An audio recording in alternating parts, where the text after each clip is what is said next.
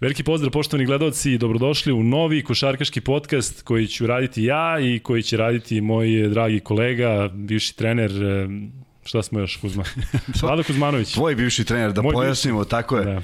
Dok smo uh, harali Harali biznis ligom Harali u okviru sport kluba. Tako, inače si moj poslednji trener, posle tebe neću više imati trenera, povredio sam se tako da ti si moj, posle tebe više nikome neće voditi. Znači uspomene ostaje. Tako je, tako je, moj zadnji trener što bi rekli.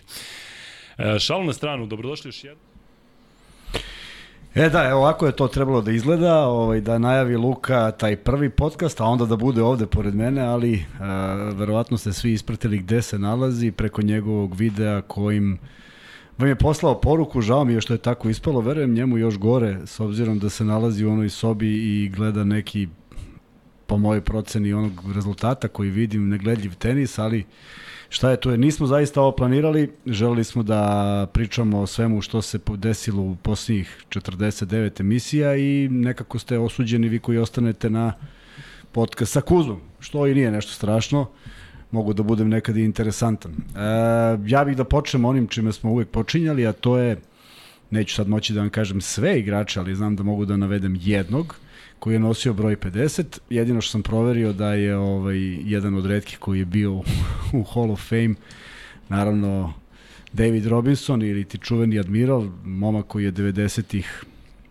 igrao za San Antonio Sparse i pogledao sam veliki broj igrača, meni manje poznatih, što ne znači da su nepoznati, ali niko približno od tog nekog nivoa i bio je jedan Vladimir, Je li ti, Vanja, sigurno znaš kako se zove Vladimir, uh, uh, prezime je i litvansko ili rusko, Stepanije. Stepanija, wow. On je nosio broj 50, to sam zapamtio i bio još neko ko mi bio interesantan, ali nema više šanse da se setim. Znaš ko ti je možda bio Zach Randolph iz Minnesota? Ne, ne iz ne, Memphis? Ne, nije, nije A, sigurno. On, te, on bi ti se vidio koji igrač. On bi mi sigurno dopao, ali nije on.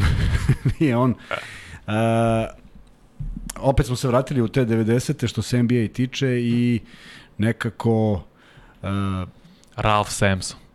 Može Ralph Sampson, dobro. Isto može 50. Pa. Ali o, nema ih mnogo, jer Luka bi sad nabrao, ima ih 124 koliko sam video, ali zaista nisam živaca da, da gledam, da gledam uh, sva imena. U svakom slučaju, ideja je bila vrlo prosta danas, da vas podsjetimo na sve što se dešavalo. Krenuli smo ovim videoklipom, a ja bi najavio i sledeći, koji mora sad se podsjetim, pošto to je malo bilo zahtevno danas. Naš gost u drugom podcastu, Miško Marić, možda čovjek kojeg sad treba predstaviti, ali to je meni nekako nejasno zato što se radi o kapitenu Partizana, što znači ne o nekom tamo igraču koji je bio samo deo ekipe 80-ih, 70-ih i koji ostaju dubog trag u Partizanu i nekako kad je bio ovde pričali smo o tome da li ga deca sada prepoznaju, naravno Odgovor je negativan, pa smo se mi eto u prvom tom naletu gostiju podsjetili njega i šta ima da kaže o svojoj karijeri. Miško Marić. Da napravim odma ovaj, objašnjenje. Kao što Novak e, ima negativan skor sa nekim Jim, Jim Svinijem. Ima i sa Kiriosom i sa Krajinovićem, ima i čak sa nekim Dobre. igračima iz znači, mladosti. Našli su ga kao malo, mladog dečaka i pobedili i to je jedini meč koji su odigrali s njim, imaju pozitivan skor. Tako ja sa Vladom Divcom imao pozitivan skor. On je bio velika zvezda, mlada, koga su jurili Zvezda i Partizan. A ja sam igrao poslednju svoju sezonu u Partizanu i ovaj, igramo u Kraljevu. Odigrao sam odličnu utakmicu, dao 44 poena. Naslov u novinu je bio Marić je bio div za divca. Dobro da je mogao taj naslov da me proda negde, bilo bi sjajno. Uglavnom, tat, a, i u Beogradu smo naravno igrali protiv Sloge lagano dobili, tu sam dao možda dvadesetak, nije bitno, ali eto, moram da kažem da tako je, Ivac... Tako je, nema pobedu protiv Miška Marića. Ne znam da li ću da mu pružim revanš, razmislit ću da li da, da, li da igramo ponovno. Što da rizikuješ, bez da. Da, bilo je vrlo interesantno kad je Miško pričao, to je Miško još pričao i o stvarima koje su sve nas uh, zadesile kad smo bili klinci. Imam jedan intervju koji sam nedavno dao vezan za Karaburmu, pa ako je nekom interesantno može da potraži na mom Facebook profilu. Jedan onako lep period odrastanja i Miško je pričao o tome da su kao i svi mi šutirali kad nije bilo koševa, šutirali na onaj Sims od, od garaže i kad se čuje dobar zvuk to znači da je koš. Tako da ima interesantnih detalja i u njegovom u njegovoj ispovesti, pa ako ste propustili pogledajte nije zgorek da nekome prenesete ko je bio Miško Marić, zato što, kažem, nije to bio samo neki igrač, već kapitan Partizana. Mogu ti pročitati par komentara. Možeš? Kaže, ajde Kuzman, brate, pričaj nam o Juba ligi, to je uvijek zanimljivo dok ne dođe Luka, a i taman Vanja da sluša malo o starim dobrim vremenima. A, čekaj da im da li imam nekoga iz Juba. Ajde, doćemo do Juba ali ajde da prođemo nešto što, što ćemo sigurno proći. Mada ovaj, ja volim, ja bih mogu krenemo i da pričam koliko god hoćete, ali ajde, ovo je zaista bilo odvojeno mnogo vremena i ovo je neplanski nešto se desilo da Luka nije tu i verujem da gori tamo. Tamo ne imaš slobodu priče. Sa, imam slobodu potpuno, ali, ali bi ipak neki sled, pa kad budemo naleteli na nekoga ko je bio ovaj, prvi nam je, na primjer, prvi nam je ovde Radmanović, pa ćemo možda kod njega da skrenemo. U svakom slučaju, E, jedna gošća, redka gošća u podcastu broj 4, Razija Mujanović. Naravno da se svi oni koji su moje godište i malo stariji sećaju legendarne košarkašice koja je ušla u Hall of Fame, ovi mlađi teško da uopšte dobacuju do postojanja Jugoslavije i kako smo tada navijali za sve klubove koji su nas e, reprezentovali širom Evrope, a za reprezentaciju je to bilo nešto potpuno neshvatljivo i euforija koja je vladala u jednoj muškoj košarci je bilo razumljivo, ali u ženskoj smo pravili fantastične rezultate, imali neverovatne igračice i Razija Mujanović je jedna od njih, mislim da je ostala velika jugo nostalgičarka i vrlo interesantan intervju koji je začudo prošao ispod radara onako što se mene tiče, ali pošete šta je Razija rekla i samo malo uh, ovaj, se podsjetite ili, ili, ili razumite da je postojala jedna država u kojoj smo svi zajedno živjeli. Se slažete da sada skočimo na neke lepe, e, na lepa, neka lepa dešavanja, naravno lagano idemo i ka ovim današnjem vremenu. Recite nam kako je to bio osjećaj kada ste 2017. primljeni u kuću slavnih FIBE i to u fantastičnom društvu, moram reći. Da, pa znate šta, to je ovaj, jako lijep osjećaj, naravno, ovaj, pogotovo kada sam videla te godine da a, sam ja jedina žena u tom društvu i naravno ovi, sa naših prostora, sve te e, legende, mogu tako reći, su takođe bile i naravno da sam se ja fantastično osjećala u društvu a, takvih velikana I mi smo... Ja se sećate imena? Da li se sećate ko je još bio tu u vašoj generaciji? bio je Dušan Ivković sa mnom i bio je e, Toni Kukuć takođe i, i ja naravno u to bili su od muškaraca Šak Konil Jest ko je, čekajte da se sjetim imena, ali uglavnom... nije, nije važno. Malo li ovo, malo li ovo, da. Znate šta je meni najbitnije? Što smo mi bili Jugoslavija u malom u Ženevi. Tako. To mi da, je bilo jako, jako, jako bitno i ono, ne znam, sa, sa nekim ljudima s kojima se nisam vidjela dugi niz godina, imali smo priliku da se tamo družimo i da evociramo uspomene iz nekih naših lijepih vremena.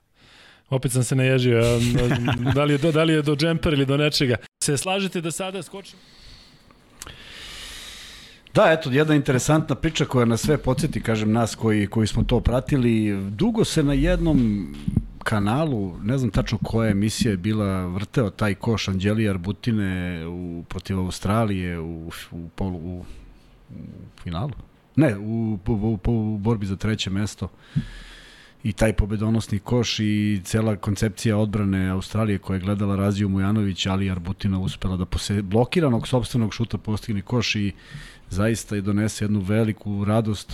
Tada smo se radovali uh, podjednako kao što su Cibona i Jugoplastika osvajali trofeje dugi niz godina i nekako ima lepih iskustava uh, Branka Vukićevića, ja sam ga uvek volao da ga zovem najtrofejniji srpski košarkaš 80-ih, zato što je igrao u Ciboni. Uh, i onda je sa Dražanom osvojio sve što je mogao da osvoji, on nije zalutao tamo, on je iz Beograda, Novosel ga je pogledao preko Žeravice, Branko Vukićić odlazi i tamo ostvaruje neviđene uspehe, mislim da je učestvovao i na olimpijadi 80 uh, u reprezentaciji Jugoslavije. I ovaj, u priči s njim uh, kaže da je putovanje od Istanbula do Atine, gde god da se igralo, bilo nestvarno kad se ušlo u Makedoniju. Dakle, Cibona je ušla u Makedoniju i putovala je do Zagreba 100 sati. Na svakom mogućem punktu su ih sačekali i radovali se s njima i kaže svaki put je autobus stao i svaki put su izašli da se pozdrave.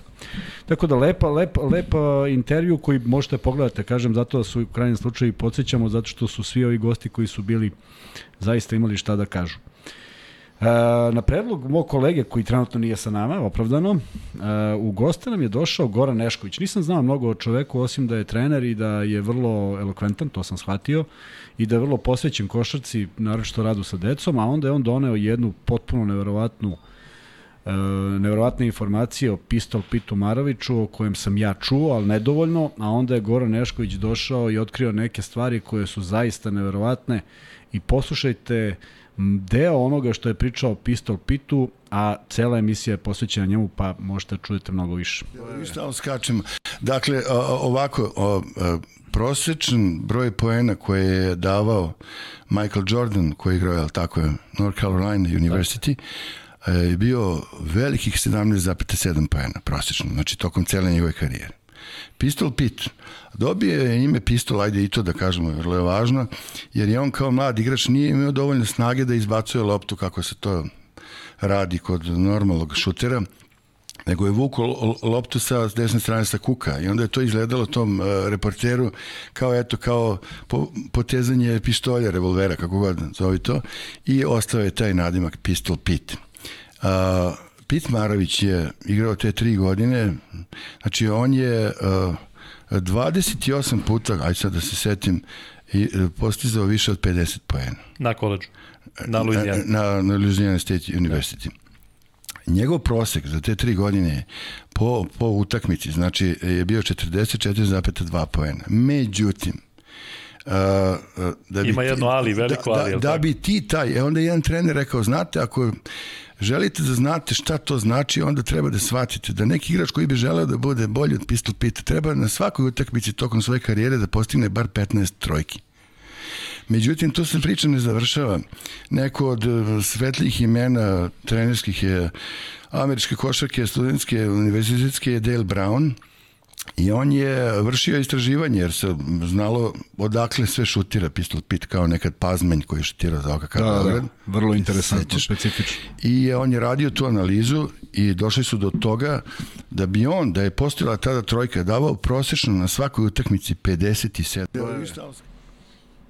E, ostali smo uskraćeni 50 i... I oni čuju to. A oni čuju, e, dobro, odlično, to mi je lakše, onda sada ja nisam čuo, ali eto, fascinantni podaci i ja sam zaista privilegovan što sam upoznao jednog divnog čoveka iz Njujorka, Aleksa Panovića, Uh, 2015, 2017. reprezentaciji Srbije nedostaje teška petica, nemamo nikoga u toj mlađoj selekciji koji može da popuni broj, neko je povređen, neko nije tu. Uh, i pojavljao se Aleks Panović kojeg nalazim nekako preko, preko Facebooka i on mi preporučuje Nika Rakočevića, naše gore list, moma koji sad igra u kinu i to vrlo uspešno, bio je na, kako se zove Vanja, onaj South California, ali tako?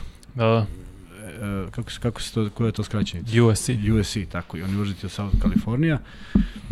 I on dolazi u četu Vlade Đokića, priključuje se ekipi, bio je zaista tu lepo primljen i lepo se pokazao i osvojili smo to peto mesto sa jednim porazom, ali u, u najgorem momentu. Međutim, moću da kažem da je čovek koji je došao i kad sam ja uspeo Rakočevića da ubacim u ceo taj sistem jer je nedostajala petica, on mi je poklonio jedan dres koji mi je stavio na krevet i rekao ovo je za tebe i video sam samo s prednje strane 23 LSU i vrteo sam po glavi ono što znam o NBA, a znate koliko znam iz makar perioda pre 2000-te.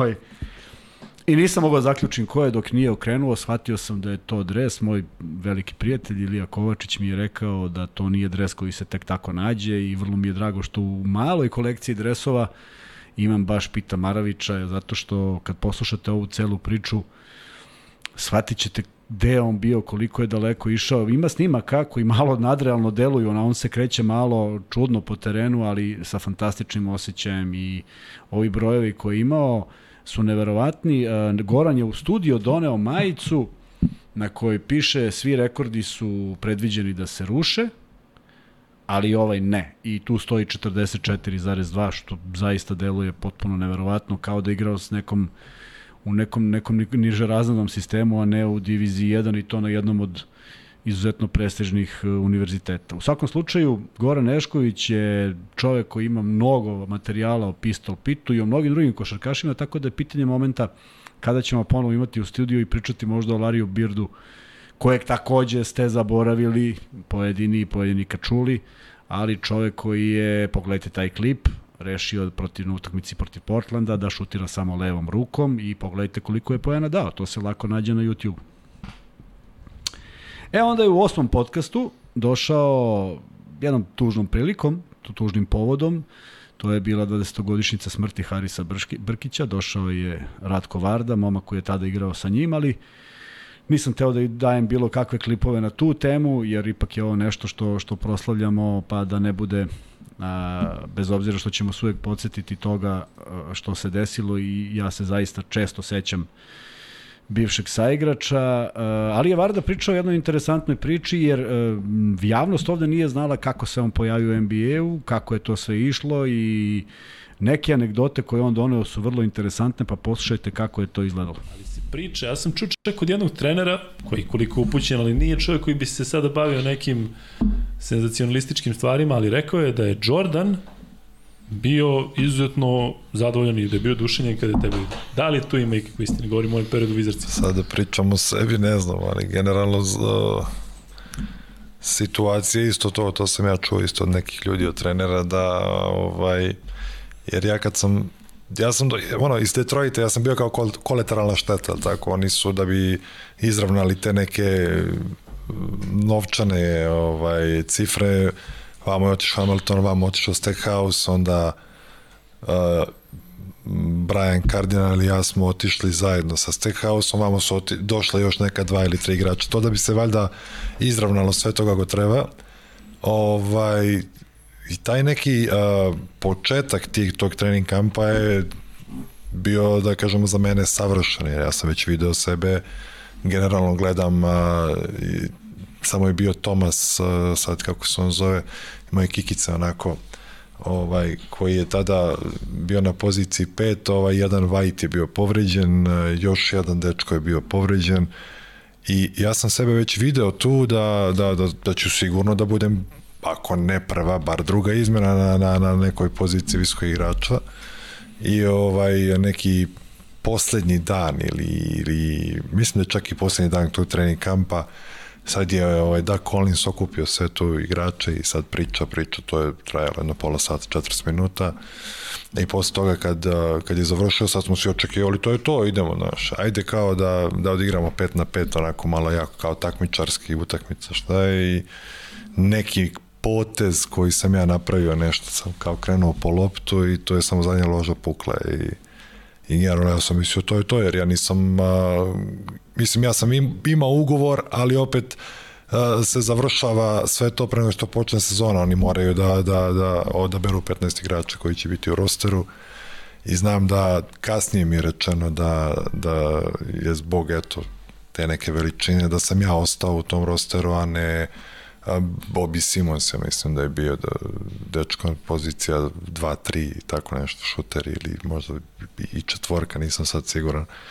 Generalno, ja ne mogu da pričam o tome jer je malo malo je bar meni bez veze da pričamo o ali nekim stvarima. bilo je toga, kontakta je bilo, ali tako mislim? Pa generalno jeste, ali sve te neke stvari koje dolaze do vas, tako su došli do mene sad. Da li tu ima istine, da li, da li je on bio ta ta, ta spona da sam ja ostao ovaj, ili on želeo da ja budem tu u tom nekom trenutku.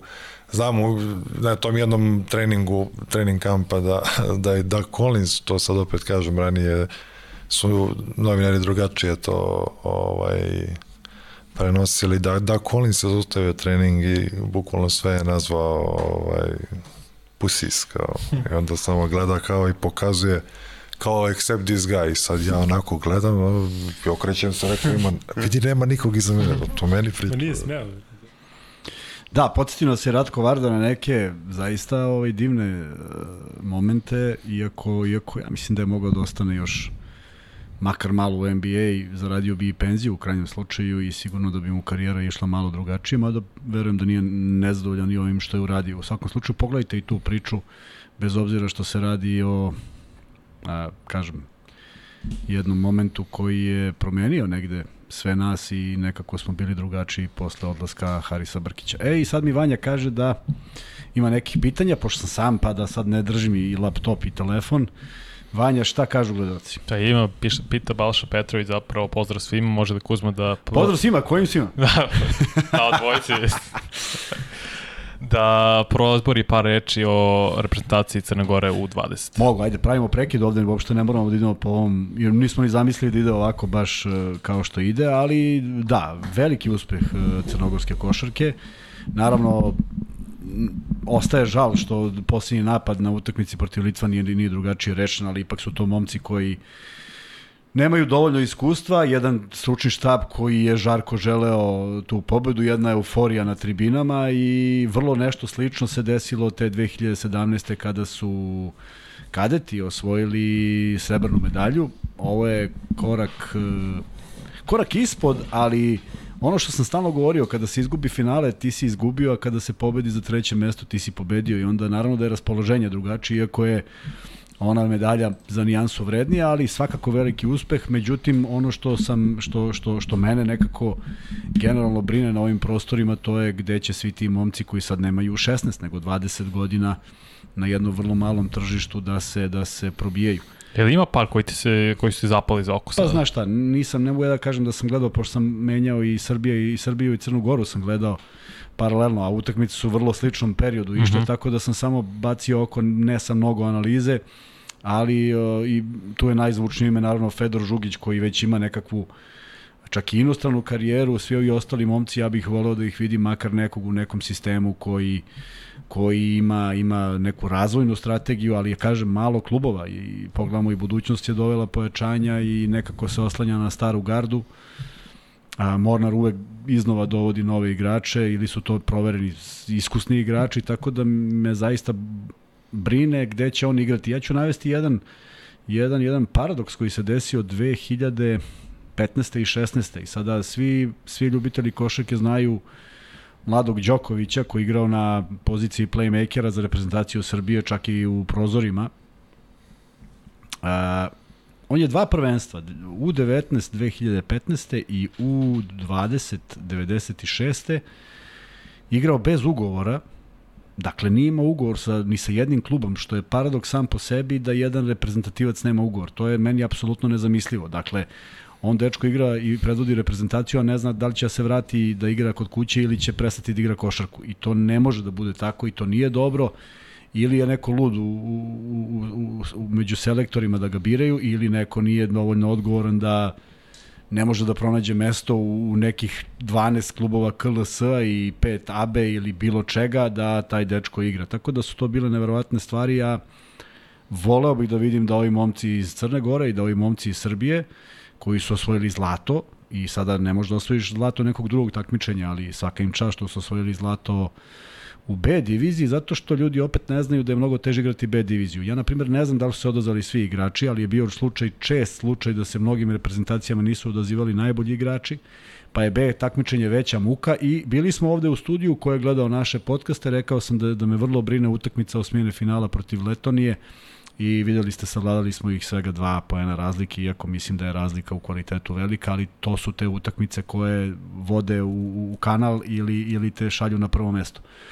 Drago mi je zbog Vlade Jovanovića što je skinuo jednu brigu sa sebe i što sad može da se ovaj se odmori malo pred još veći izazov, a ono što je interesantno, ja sam ga danas zvao u jutarnjim satima, on je tek oko dva sleteo i izvinio se što ne može da dođe jer ide na odmor i potpuno mi je razumljivo da mu je odmor preko potreban, tako da ćemo ga vidjeti u njegovo običanje u prvoj narednoj prilici kad se bude vratio s odmora.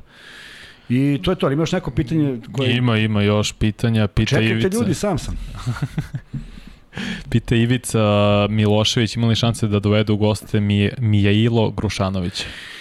Uh, mi smo Mijajla zvali, ja sam ga zvao i mislim da njemu se ne mili nešto dolazi u Beograd, ali mi radimo na tome da obezbedimo neka sredstva, da naš trojac zajedno sa kamerama koje Vanja ovde poseduje, jednog momenta kada studio bude bio malo prazniji, odemo u taj šabac i gde god treba da snimimo taj intervju. Turneja po Srbiji. Potpuno sve jedno gde, gde nam bude rekao ispod duda, tu ćemo, ali hoćemo da uradimo intervju sa Mijalom Grušanovićem, ne bežimo od toga i kažem jednostavno čovjek ima takav ritam života. A, mislim da se i njegov sin oženio nedavno ili, ili tek treba, ali to je neki vrlo skori period kada se to dešavalo, tako da a, nisam zaboravio i sigurno ćemo naći Mijajla pre bilo koga drugog. Pita Zoran Tomić mišljenje o Milanu Momčiloviću i njegovim dometim i hoće li igrati za našu reprezentaciju. To je momak iz NBA. Ja sam samo čuo za njegov ime, iz NBA, iz NCAA. Ja sam čuo samo za njegovo ime i volao bi da pogledam, ali nemam ja baš toliko vremena u, u danu da, da, da to uradim, ali vrlo rado hoću, jer upravo Aleks Panović, kojeg sam spomenuo, mi ga još odavno spomenuo i, i ovaj, predložio. I ne samo njega, ima još 4-5 imena za koje ja ih ne pamtim, jer ne pamtim imena, ali kad se budem fokusirao, znaću o kome se radi. U svakom slučaju ima plejada igrača tamo za koje mislim da niko ne da ne zna, nego da nikoga ne zanimaju, što je veliki problem. Slažem se apsolutno i tamo da se na, doveže na to pitanje o Jovana Gvozdića za tebe, koji ti je omiljeni retro NBA igrač i omiljeni trenutno NBA igrač? Ali da nisu naši. Mene pita. Da, da, tebe pita. Pa kako ko je omiljen igrač? Pa ja meljam samo jednom. Mislim. Uh, uh, pogledajte, evo samo ovako, pogledajte uh, Hall of Fame igrače između 90 i 88. i 99. I to je to. I to je ono što smo mi gledali i ima ih neverovatan broj. I, i, i obožavao sam naravno Michaela Jordana, ali uh, divio sam se na primer odbrani Detroita i mogu da kažem da sam poznavao čak mnogo više igrača Detroita nego Chicago, jer me uvek zanimalo ko je uz Pipena i Michaela tamo, a ovi ostali nekako mi nisu bili u centru pažnje, dok je Detroit bio najprljaviji, ali e, klub koji je znao šta traži. I e, ima jedna anegdota, ne znam da li sam je pričao, ako jesam, izvinite, ako nisam, ponovit ću je, pa ćete bar znati da je tačna, jer ne može dva puta čovjek da ponovi nešto ako nije istina. Uh, jedne godine, 2006. moj CV se pojavio na stolu Joa Dumarsa. Predložio me Igor Kokoškov da budem glavni skaut Detroita. Igor me nazvao i rekao, zvaćete Joe Dumars, ispustio slušalicu i pošto znam čoveka i nema te šale tog tipa, jednostavno razumeo sam da će nešto da se desi, ali baš Joe Dumars. I zvoni telefon ja se stidljivo onako javim. I on kaže, zlava Vladimir, ovde Joe Dumars. Ja stanem u stav mirno, onako kao idiot. Kod, Joe Dum, misliš Joe Dumars? Joe Dumars, da. Da. I stanem u stav mirno i kažem, gospodin Dumars, ja sad stojim mirno i da sam malo mlađi skakao bi po sobi, on počne se smeja, ali to je zaista takav osjećaj bio zato što smo tog igrača obožavali, koliko god ga volili, ne volili, priznavali smo da je, da je majstor svoje igre i ponudio mi je da dođem u, u Detroit i da budem njihov glavni skaut. Naravno da sam bio presrećan i na kraju razgovora mi je rekao da ima samo jedan uslov. Njihov tadašnji skaut je najavio odlazak. Ako on ode i potvrdi svoj odlazak, ja dolazim. Ako se on predomisli, a, onda nagradno pitanje, šta se desilo? Da li se predomislio ili nije? Tako da nisam otišao na, na moju veliku žalost, ali ne bi bio ovde sada da ovaj sam bez mog kolege Luke da je sve to išlo kako treba. Uh, pita Marko Topalović mene da li mislim da su J.R. Smith i Carmelo Anthony top 10 NBA šutera od 2000-te pa ovamo. Uh, mislim da nisu, ali mislim da Carmelo Anthony po mom ukusu top 5 ofenzivni igrač ikada. Ide Kobe, ide Michael, Durant, LeBron, pa onda Carmelo Anthony, ali J.R. Smith nije sigurno top 10, jer kad pogledaš sad ima i samo napraviš odmah trojicu na vrh glave, Clay Thompson, Steph Curry, Durant imaš onda bio Ray Allen, bio Steve Nash, JJ Redick, Capono itd. itd. Tako ne verujem da je J.R. Smith u top 10, ali mislim da Carmelo što se tiče samo ofenzivne igre top 5 sigurno ikada. A pitaju te, uf, imam mnogo pitanja. Šta vam ljudi? Hajmo ovako, Ivan uh, Gazivo da pitanje za Kuzmu, da li je igrao na utakmici sa kraja prošlog veka na Cetinju Lovćen, deo banka prošlog veka? 53-38? Sa kraja prošlog veka Lovćem Beo banka. Tako je, na Cetinju. Kad, ste, kad je Beo banka izgubila 20 razlike. Mislim da nisam. Mislim, sve jedno 20, ali mislim da nisam igrao. Pa piše 58-38. Da, samo ne znam, ako je, ako je, ako je 99, 2000-ta, onda nisam. Ako je 98, ali ne, setio bi se tog rezultata, pamtim dobro rezultate, nismo igrali tako loše. Pa s obzirom da si zapamtio koje si sve hale otvorio po Crnoj Gori. Isto To tako sve znam, da, ali zato mislim kažem, ovo mi je čudan rezultat. A znam da smo pobedili Cetinje u budućnosti 51 razlike, to se sećam. Uh, Vladimir Simić, pitanje za Kuzmu, mišljenje o KK budućnosti ove sezone.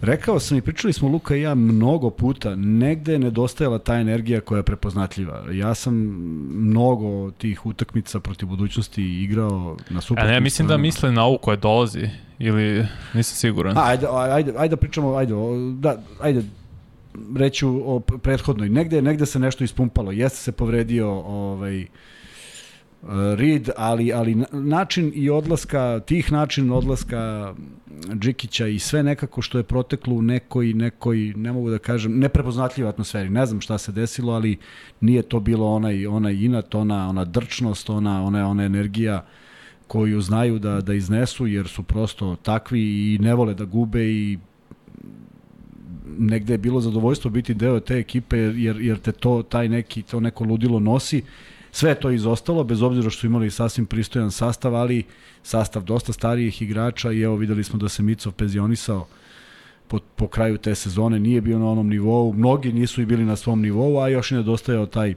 vrlo bitan faktor u igri, tako da moguće da se sve to skupilo, a sada ovo što gledam, ne mogu da kažem da sam impresioniran igrač iz Italije, čije Luka zna ime, ja ne pamtim imena, i igrao je za Trento, mislim da, da neće mnogo dobro doneti uh, budućnosti i negde ne mogu samo da razumem koji su, kakvi su, kakvi su planovi zato što ako već postoje ovi igrači do 20 godina sigurno je mnogo zgodnije nekog od njih promovisati kroz Evrokup ne juriti po svaku cenu u Euroligu iz prostog razloga što ne mogu sada dostignu ni Zvezdu ni Partizan. Daj Bože da oni budu konkurenti na terenu, ali nekako mi to deluje uh, malo verovatno i da jednostavno batale tu ideju, jer ja imam jedno pitanje koje nikad nisam postavio, a želeo bih postavim svakome od vas. Crvena zvezda izborila plasman u Euroligu. Partizan je dobio wild card. Zašto niko od budućnosti CD Vita i ostalih klubova nije konkurisao za wild card? Zato što mnogo košta.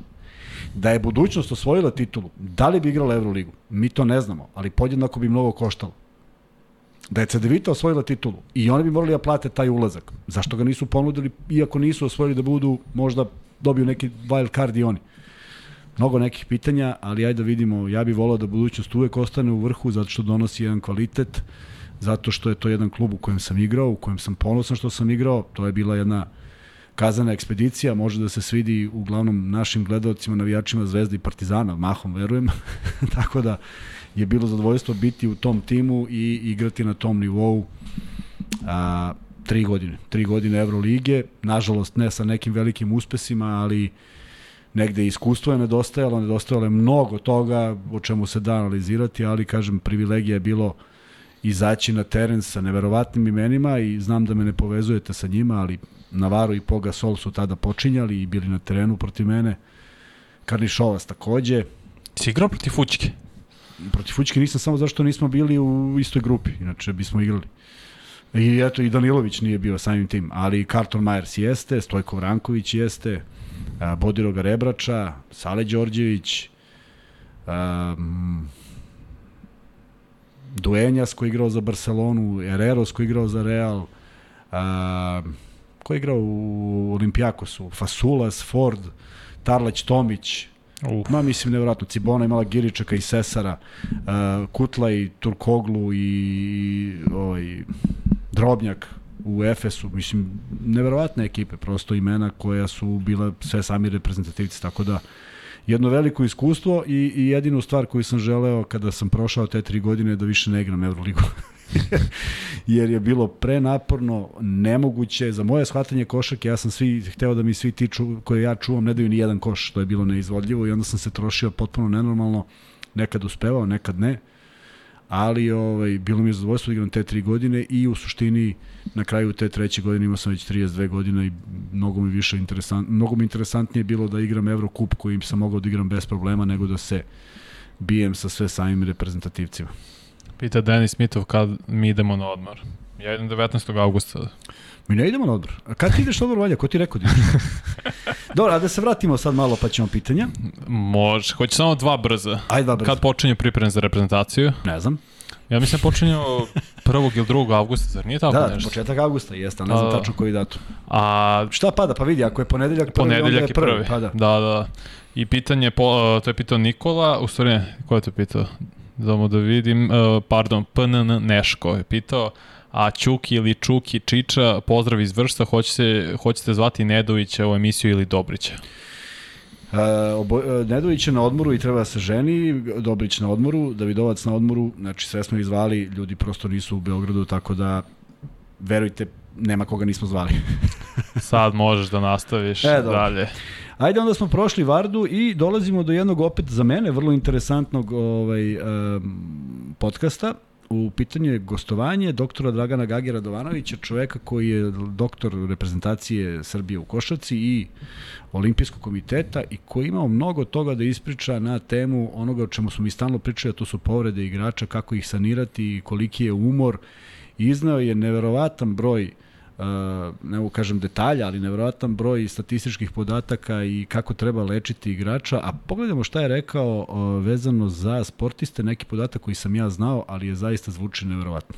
Ne, da vam kažem nešto, postoje neki tradicionalni sportovi, mislim, sportovi koji su tradicionalno više predisponirani e, doping sredstvima, to su vam dizački sportovi, ne znam, bodybuilding, pa čak i neki borilački sportovi, biciklizam, atletika, to su sportovi, pojedinačni sportovi, sportovi velikog napora, su e, mnogo češće, u njima je mnogo češće prisutan doping nego u, u da kažem, timskim i, i kolektivnim sportovima. E, tako da, mislim da se taj procenat dopinga ne menja tokom vremena. Sad ne mogu da vam, zaista nemam te podatke da sad znam statistiku, ali ovoliko koliko vidim iz, iz svakodnevne prakse i na olimpijskim igrama kad gledam te izveštaje, nisu neko poslednje olimpijske ili pretposlednje igre nešto značajno više zastupljeni doping, slučajevi doping pozitivnih sportista nego na ranijim olimpijskim igrama. Tu ima jedna stvar koja je bila još, sećam se na prvim olimpijskim igrama gde sam ja bio 2004. u Atini, gde je Vada uh, in, uh, test, uh, odnosno intervjuisala sportiste, pravila jedno istraživanje i pitala je da li bi svesno uzeli doping sredstvo ako bi vam to garantovalo medalju, a da opet znate da će vam kasnije oštetiti zdravlje. Preko 80% sportista je reklo da.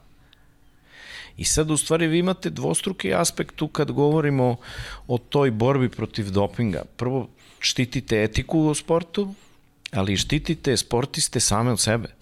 Odnosno, tu grupu sportista koja je zaista mnogo manja nego ova druga, tu grupu sportista koja bi zaista svesno uzela doping sredstvo kako bi postigla rezultat koji mu ne pripada po njegovim karakteristikama sportskog. Ne, da. Da, vrlo interesantno ovo za doping, negde sam to pročitao svoje vremeno, ali doktor bolje zna i pričao je kako se ovaj, leče u reprezentaciji, koliko je potrebno da uopšte neko a, bude fit u jednom tom mikrociklusu posle naporne sezone, pa podcast broj 10 možete da pogledate. Onda preskačemo malo nekoliko podcasta i dolazimo na podcast broj 14. Ja znam da vi niste primetili da smo mi bili pauzirali me, mesec dana a, o, ovaj, zbog nekih neobičnih okolnosti i onda smo se nekako konsolidovali i pojavili se tačno posle, des, posle mesec dana u jednom podcastu koji se zvao Uskrsnuće, simbolično govori da smo opet tu, pa da vidimo kako je izgledalo taj naš povratak.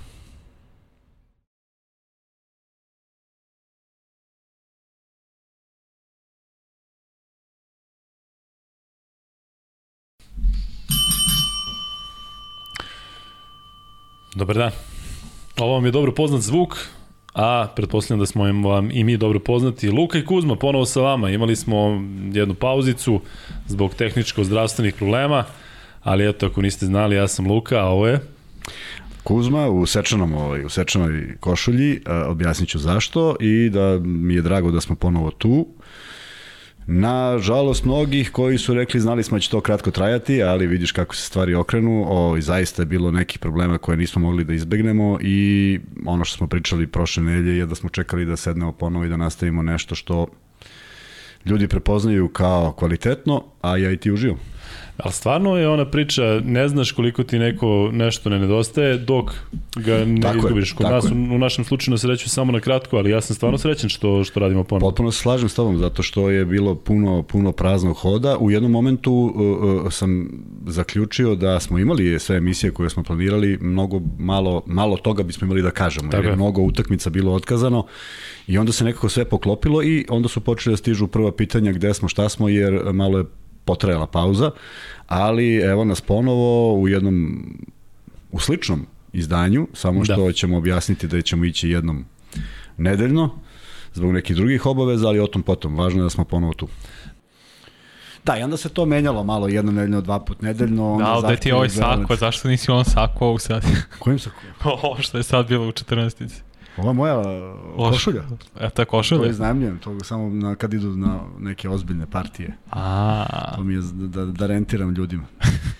Ove, ovaj, I onda smo mi to sve menjali i onda smo došli u onaj moment kada ste stvarno vi bili ti koji su, koji su odredili dalje šta i kako, jer zaista smo mislili da snimamo ponedeljkom, 23.30 nam je delovalo kasno, ali sve ono što ste napisali da želite da bude live jedan i drugi, evo tu smo i sad, e, sad ćemo se držati toga. Naravno, sad je neki, neki, ovaj, neka pauza u sezoni, ipak imamo šta da pričamo, doći će evropsko prvenstvo, ali onog momenta kad krene Euroliga, pitanje je Da li će biti izvodljivo zaista dva puta nedeljno, ne zato što ne želimo, nego zato što će biti previše utakmica i obaveza koje imamo. Uh, sledi 20. podcast koji je, je bio mali jubilej, manji od ovoga i nije prošao nešto sjajno, možda zato što je na slici su bili neki kolačići pa niste videli šta je pa vas mrzalo da otvarate, ali u svakom slučaju evo taj prvi minut kako smo proslavili 20. jubilarnu emisiju.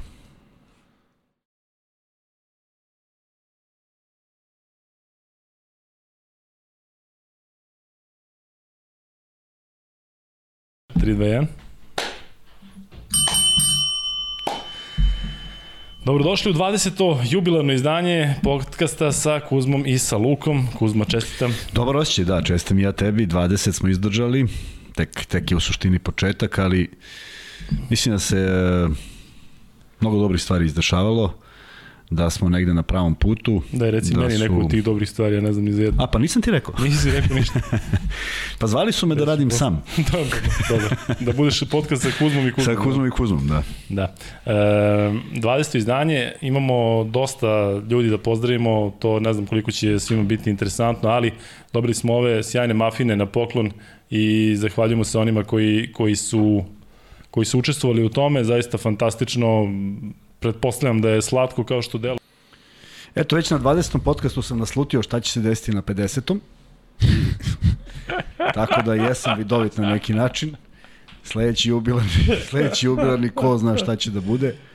U svakom slučaju, ovaj, e, bila je to 20. emisija i zaista nam je delovalo neverovatno da smo dotle stigli u relativno kratkom periodu, ali Nešto što nas prati i do dana današnjeg to je da je postojalo interesovanje i mahom zaista fenomenalne poruke, bez vređanja, sa drugačijim mišljenjima, sa istim mišljenjima, sa nečim što u čemu zaista uživamo i Nije mi teško da odgovaram na poruke, vidim da to čini i Luka, ali mislim da taj podcast, ovaj podcast koji radimo, radimo i zbog vas i da ste vi apsolutno sastavni deo toga, tako da ako nastavite u istom maniru, ja ću biti veoma zadovoljan, jer jedino što ne volim to je vređenje za bilo koji, koji god da je osnov, ja nemam uopšte nameru da ulazim u takve diskusije, tako da ako možemo normalno, divno, jer onda ima mesta za sve nas. Može par pitanja. Pa Može, naravno, ajde, mm -hmm. prošli smo prvi jubilej.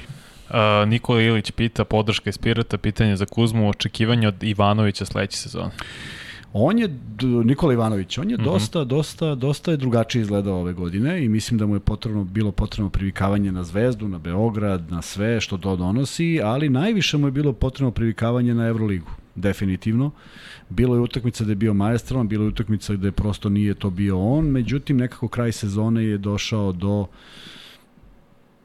u jednoj pristojnoj formi i odigrao je utakmice za reprezentaciju takođe vrlo kvalitetno, gde je Crna Gora ostvarila dve pobede i ja očekujem da on bude uh, neko ko će zaista doneti razliku i vidjet ćemo sad kako izgleda, znaš, uh, taj, taj moment sa Dejanom Radonjićem mi, mi nemamo, nemamo naravno nikakve informacije, ali može se desiti da, da nešto nije da nešto nije leglo, vidjet ćemo Vlada Jovanović je trener sa novim uh, idejama, sa novim zadacima i vidjet ćemo kako će on prepoznati uh, Nikolu Ivanovića za kojeg zaista mislim da u svakom smislu mislim da je da je pre svega divna divan kao čovek, da je fenomenalna osoba, a na terenu kad neko da 100% svaki put meni je to dovoljno i video sam njegove izjave i video sam njegovo ponašanje i ako u Crnoj Gori, u Podgorici neko nema lošu reč za njega, ne posle odlaska iz budućnosti, pošto se to podiglo na jedan visok nivo kod da je ne znam šta uradio, a ne prešao u drugi klub, Ovaj, do tog momenta je bilo zaista sve kako treba i želim mu puno sreće u sledećoj sezoni. Da bude onaj pravi.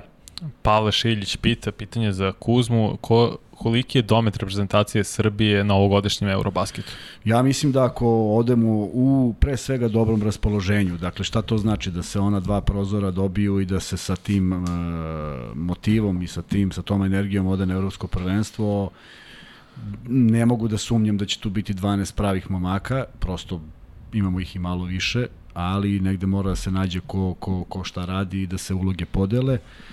Imamo iskusnog trenera koji ne bi trebalo da ima problem sa tim, ali kažem, vidjet ćemo kako će se sve odvijati, vidimo kako će početi pripreme. Ima sad jedna interesantna stvar koja je mene uvek čudila i dok sam radio u Savezu, u čemu spisak od 24 ljudi, to mi nikad nije bilo jasno.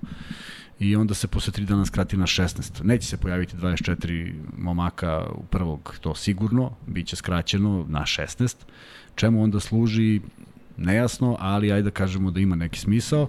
Vidjet ćemo ko će se odazvati, vidjet ćemo ko će biti tu, vidjet ćemo ko je zdrav, daj Bože da svi jesu zdravi i da se jednostavno krene u pripreme u najjačem mogućem sastavu, zato što, kažem, ti prozori su preduslov da nešto uradimo na evropskom prvenstvu. Ne možete da odvojite i kažete ja, izgubili smo dve utakmice, nema više šanse za svetsko prvenstvo, ali sad ćemo da napadnemo zlato. To ne ide tako, tako da su to vrlo bitne utakmice i ja se nadam da i želim da verujem da stručni štab baš formu baca na te dve utakmice, što je malo nezgodno, jer ako su te dve utakmice bitnije od prve sledeće na Evropskom prvenstvu, a teoretski jesu, onda onda tu ne može da se baš tempira forma za jedan za jedan takav ciklus. No, videćemo ima dovoljno veliki broj igrača koji mogu da povuku, koji mogu da preuzmu ulogu lidera, ali mora da se zna ko šta radi da bi da bi to dao da bi to bio jedan tim.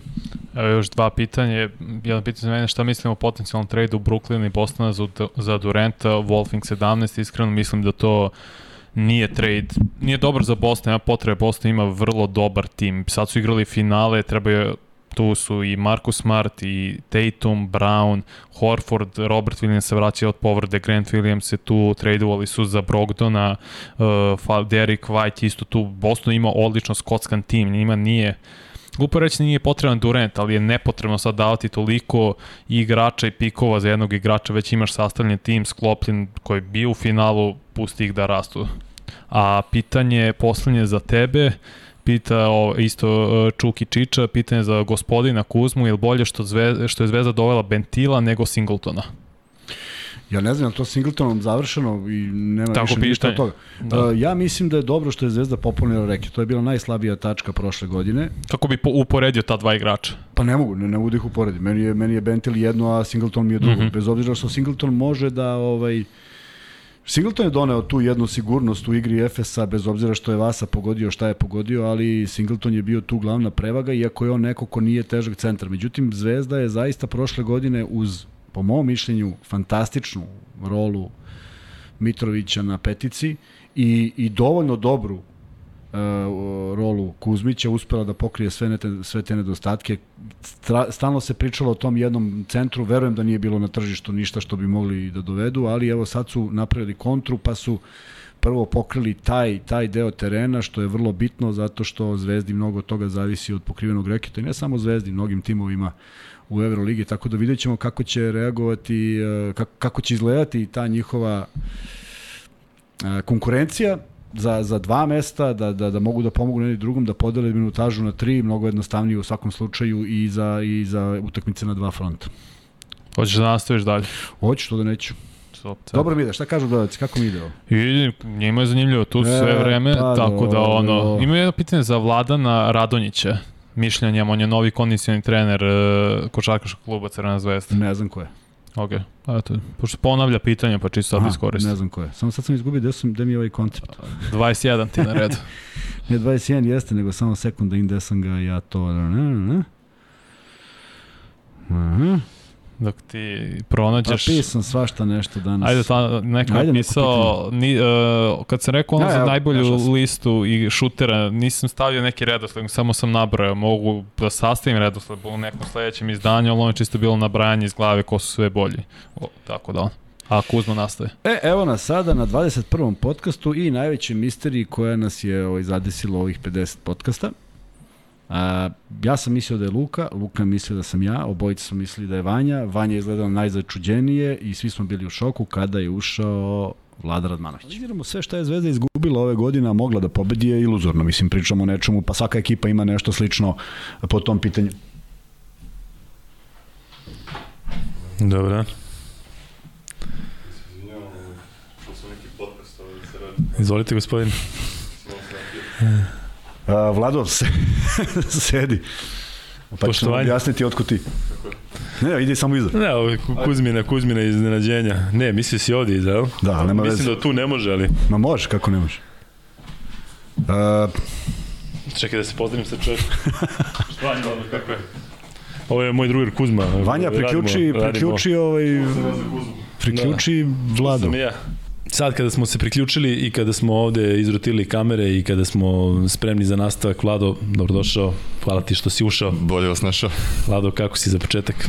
Ja odlično, kako ste vi? Hvala što si, pomalo smo iznenađeni, iskreno da ti kažem, ja ne znam, ja sam, e, najprije, imamo 21 nepun podcast e, za nama, ja i Kuzma, i ovo je najprijatnije iznenađenje koje sam ja doživao. Kuzma, Ne znam, ja sam i dalje ovaj, iznenađen nekim drugim stvarima, ali o tom potom, to ćemo e, pričati. Kuzma, ma, Drago mi je da je Vlada došao i e, pitanje je otkud ti, hvala ti što si nam u ovoj pauzi dok smo se nameštali objasnio i hvala što pratiš e, podcast koji radimo i, i sad menjamo potpuno temu kad si već tu. Menjamo potpunu temu, Kuzma, ja moram ti kažem da stvarno, e, znaš, verovatno ne znaš, ali e, postoji kanadska tenisirka koja je pričala nedavno o tome kako je njena mama rekla kao vizualizacijom, kao ti sad zamisli da osvajaš US Open i kao sebi napiši ček i onda će ti dati kao sama sebi daš ček i posle par godina će ti se to desiti. A Novak Đoković to stvarno pri, e, stvarno Uradio. e, primenjuje non stop. A ti si uradio šta? Ja sam razmišljao kada bi Vlada Radmanović došao, kada smo imali sećanje na Kobija, da kada bi bio jedan gost sa kojim bi mogli da pričamo o stvarima koje mene lično najviše interesuju, da ga pitam i neki detalji. Znači, Vlada ne ide nešto. danas odavde. Ali ozbiljno ti kažem, kada sada si ti me rekao, vidi, da dođe jedan gost, ajde izaberi jednog gosta, znaš, o, koj, o kojima smo sve mi likovima pričali i našim i stranim i sve. Znači, kada bi mogao jedan gost da dođe i da sedne tu i da, da priča, ja kažem Vladimir Radmanović. I onda razmišljam, gde li je čovjek, da li je tu, da li, ajde da vidimo da ovo, Evo, čovjek Vizualizacija. dođe i čovjek dođe. Pa ti si i- onda i- zaslužan za Pa ovo. naravno da sam ja zaslužan, jog nego si ti. E, Vlado, sada za početak stvarno, kako si, gde si, šta si, malo te ima u medijima, to je pohvalno. Pa ne, ne da me malo ima, nego nema me uopšte mojom voljom. Nažalost, nekad se desi da, ovaj, da izađem kao prateći lik, ali ovaj, nema, nema često, tako da u principu ja se trudim da tako i ostane. Evo, malo sam vas pratio, pa Pa, Da znači, napravimo smo- jedno mi smo- iznenađenje. To je divno. Da, Privilegovan. Mi smo te, mi smo te iz, vratili iz ilegale, ali sada stvarno, kako je posle košarke, da li uopšte pratiš košarku, ne mislim na domaću, nego taj NBA liga, da li imaš taj osjećaj da, da, sa, da li si se distancirao od svega toga kao što postoji neki primjer, postoje ljudi koji su se toliko distancirali da ih ne interesuje ništa, ili povremeno pratiš pa ti neko javi. Koliko je košarka trenutno u tom životu neki faktor? U principu, skoro i da ne pratim ništa. Uh, imam od, od sestre klinca koji je zaluđen za košarku, on, on me obaveštava šta se dešava, ko je Da li gde on možda prešao. gleda ovo? Uh, ne znam da li gleda, ali evo daću Nije više Vladimir Manović ovde, ali ista majica, tako da znate. E, dobar dan, dobro večer, dobro jutro, dobrodošli. Mada je o, već uveliko odmakao podcast Uzma. Obuko čovjek istu majicu. Koja je šansa? Hoće da se skinem sa, šta? Nemoj, molim. Ne, ali pazi, ovo je bilo u periodu kada je Under Armour bio samo moj sponsor, a ne tvoj. To da. sam shvatio, da. E, dobro, drugari, e, izvinjavam se na kašnjenju, zaista više sile, kad kažem više sile prave, one više sile, demonske sile, sve se ukrstilo, dakle, Jel pada sada? Perfektna storm. A Gde pada, jesi lud, 350. Znaš ti šta će sada da bude, bit će show. E, dobro, e, nadam se da ste lepo ispunili vreme bez mene, verovatno i trening da se vidi da, ovaj, da može i bez mene i tekako. Kuzma, dok smo stigli, priči. Evo, stigla gledala, video si, video si sebe kod Radmana u istoj majici i ovaj, to znači da smo došli do podcasta 21. Malo smo prošli sve ono što si danas imao prilike da vidiš kroz tekst, a dobro znaš o čemu se radi i ovaj i odgovorili smo na neka pitanja, ali ćemo to nastaviti sada malo više. Međutim, ajde da ovaj uradimo na primjer Vanja i ja smo imali jedno 4-5 priča o prošlosti, pa smo se onda uključivali, tako da ajmo da nastavimo da pričamo o sledećem podcastu sa kojeg imamo isečak, to je gostovanje Saša Stefanovića, momka koji je igrao na Perdju i momka koji je ove godine igrao letnju ligu za Sparse. Da, on je je. nešto prvo bio sa Indijanom, ja mislim, u kontaktu, čak je možda i za njih nešto imao Išao je na neki workoute, travac, da, ali na kraju sam letnjoj ligi post, po, po, ovaj, pojavio u dresu Sparsa i napravili smo njegov intervju s njim i izvukli jedan moment kad priča o eventualnoj reprezentaciji u kojoj bi mogao da učestvuje, kako bi to na njega delovalo. Da, pa... I want Uh, Izvini, E, Marijuš. Saša Stefanović je neko koga si ti predložio. Ja, da budem iskren, nisam ni znao da on e, je to što jeste. E, Znao sam da tamo postoji neki igrač kome je Ćale svoje vremeno bio dobar igrač, e, ali sam čak imao njih troje četvoro u glavi. Međutim, Saša je jedan fantastičan momak, momak koji je kasnije poslao i dres, ili tako, sa, Tako je, tako je. sa Evo svojim potpisom. Da. Evo ga, Kuzme. Da. E, I zaista smo se lepo ispričali, nikada nismo istitlovali taj, e, taj podcast, ali nadam se da ste svi razumeli. Kaže, momak je sjajan, pa ajde da čujemo šta je rekao ukratko. mention like I want to I want the national team to win. Like I want I when I when I watch any type of competition, I'm cheering for Serbia. You know, I'm not cheering for United States or whatever. Yeah. So if there's any way that I could add value to the national team, I want to do it. So if I if I play zero minutes, if I'm not on the national team, you know, if they think I'm not I'm not worth a spot, but if I yeah, if I am worth a spot, if I, if I play zero minutes, ten minutes, thirty minutes, whatever, if I'm able to add any value to help win gold or win you know win a championship or whatever, I would want to do that. You know, I, hopefully that's what they see, and I, I will accept the role. I will do whatever you know whatever is asked of me.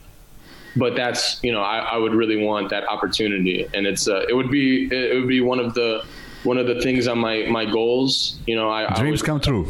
yeah, exactly. I always write down goals, and that would be the one that is, uh, you know, is still. Ja znaš šta imam sad ja da ti kažem? Ajde, neko Sad ću iznenađenje. ti kažem šta sam hteo U početka. Da. Ajde.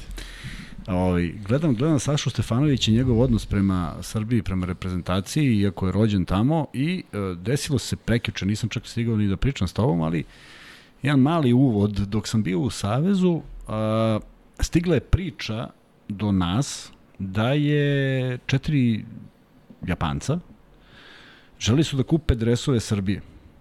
I u Knez Mihajlovoj su lutali i naišli na čoveka koji im je rekao, pa imate ovde sportske radnje. I on je otišao sa njima, da sportskih radnji nije bilo dresova. Onda je on nazvao Savez i Savez je rekao da logično to ima da se kupi u Rodi negde daleko. On je naravno pitao kako je moguće da je u Rodi, pošto nije u centru grada, da je najviše turista, ali ga nije mrzlo da sedne sa četiri Japanca u dva taksija i da odu tamo, pošto je rešio da kupe dresove. Došao je i oni su rekli, kompleti, shorts, dress, shorts, dress, njih četvoro, x, y hiljada dinara, koštalo je to, ali nema ko da oštampa prezimena.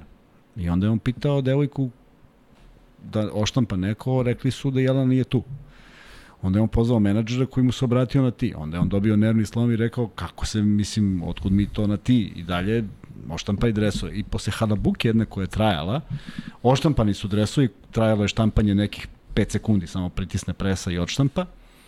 I ovi su zadovoljni Japanci otišli i ovaj Definitivno je reč ugovor. nije, Ne, ne. I ja upoznam tog čoveka. Prekjuče. Goran Marković koji živi u Nemačkoj i rođen u Nemačkoj. I on je čovek na kojeg su Japanci naleteli. Ja garantujem da je naletao na bilo kog Beograđana i rekao bi... A "Idi, ti bre." si znao tu priču od ranije. Da, znao sam samo priču. I čovjek počeo mi priča i ja ne verujem šta slušam. Sad on priča iz prvog lica i, ču, i upoznam čoveka čiju sam, kome sam neku legendu znao. I on kaže da ga nije mrzelo i zašto je to uradio, jer kaže meni nije jasno da ne postoji. Vrlo često dolazi na utakmice ovde, navija za sve što postoji ovde, uh, uživa u utakmicama, čovjek koji se bavi potpuno drugim stvarima, ali nekako mi je bilo super drago, a našao me je preko Facebooka, što je još fantastičnije, popijemo kafu i popili smo je ne znajući ništa o tom čovjeku. Hoću da kažem, koliko drugačiji pristup imaju ti ljudi koji su negde ostali uskraćeni da nisu živeli ovde ili imaju neki, neki žal što nisu ili bilo šta što a, imaju odnos prema zemlji. Ne, ali Saša je zaista mislim poseban momak u smislu da je vaspitan tako da bez obzira, mislim da je to velika, velika barijera što ne priča jezik kako treba. Ne znam kad ste pričali tamo, jel, jel nabadao bare malo, razumeo? Nije on nabadao, on je razumeo šta pričaju. Da. Kao i Nikra Kočević što je razumeo šta pričaju, ali, ali nije, nije govorio.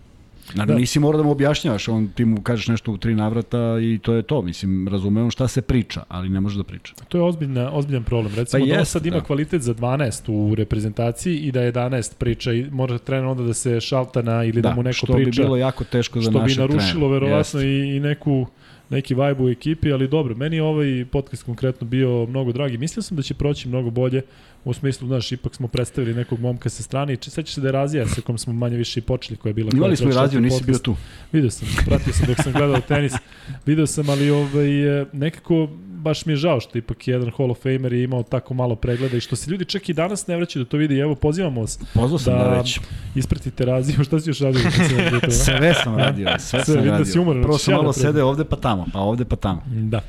E, hoćemo da idemo dalje sa podsjećanjem. Da, da, idemo dalje sa podsjećanjem, još par podsjećanja. Pa I onda ćemo, nagrade I onda koje smo krećemo u za nešto drugo. Da. E sada, Uh, u podcastu broj 27 smo uspeli, u stvari promenili smo malo pristup svemu i negde je bio moment da porazgovaramo s nekim ko se trenutno bavi košarkom, manje više pričali smo sa ljudima koji su ovaj, negde ili završili ili sa druge strane pričali o košarci i zaista veliko hvala Luki Mitroviću, pošto je to bio prvi poziv i na prvu je reagovao i njemu je bilo drago, sećaš se da je rekao da je ovo prvi podcast u kojem učestvuje, tako da je on Uh, pojavio se u sred sezone, ali je to bila ona duga pauza Jeste. između utakmica i negde smo ga uhvatili možda nedelju dana pred početak uh, play-offa, ako se ja dobro sećam, Jadranske ligi. Da, e, bilo je pred Jadransku ligu, ali jel se sećaš još nečega da je zbog podcasta kasnio na trening i da je rekao, ma razumeće radanje. Tako da se nadam da će i Kuzma da razume, nje, kao i njegov Kako da ne, pa to je. Tako A, da, si ovo izmislio sad u ovom svemu. Rekao je, rekao da i kaže idem sad na ti trening, više kaže nema veze. Da čujemo šta je imao da nam kaže Luka Mitrović ukratko. Pa dobro se poznajemo, to je ovaj osnov, osnov svega.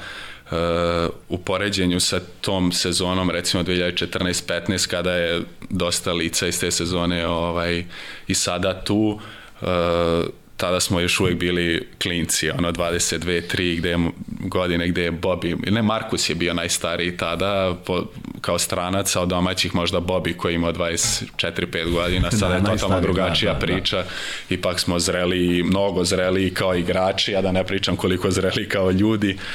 E, I eto, ta neka atmosfera sigurno ide iz dobre baze domaćih igrača, to jest dobre baze gde ve- veći deo ekipe čine domaći igrači koji opet na drugačiji način Doživljavaju ovaj, klub, doživljavaju tako je. igranje i klub i igranje ovaj, u svojoj zemlji, u svom gradu a moram tu da spomenem i, i strance koji su zaista fenomenalni momci, fenomenalno se uklopili. Da, baš deluje da, i- da se slažete bolje, da nisu oni klasični profesionalci koji dođu odrade, ima svoj neki svet i, i tu ste samo na terenu. Pa čak i da je, i, i da je tako, da, da nema nekog privatnog ovaj, druženja, Uh, opet najbitnije je ono šta se, Da, da, je kako, se, terenu, kako se kapirate na terenu i kako se slažete, a tu zaista nema Znaš šta je e, interesantno za ovaj podcast i bilo ih je mnogo sličnih, što je Luka Mitrović jedan od onih gde me Vanja zamolio a, da mu kažem da priđe mikrofonu. I sad to je malo neprijatno, znaš, on stoji daleko od mikrofona i priča.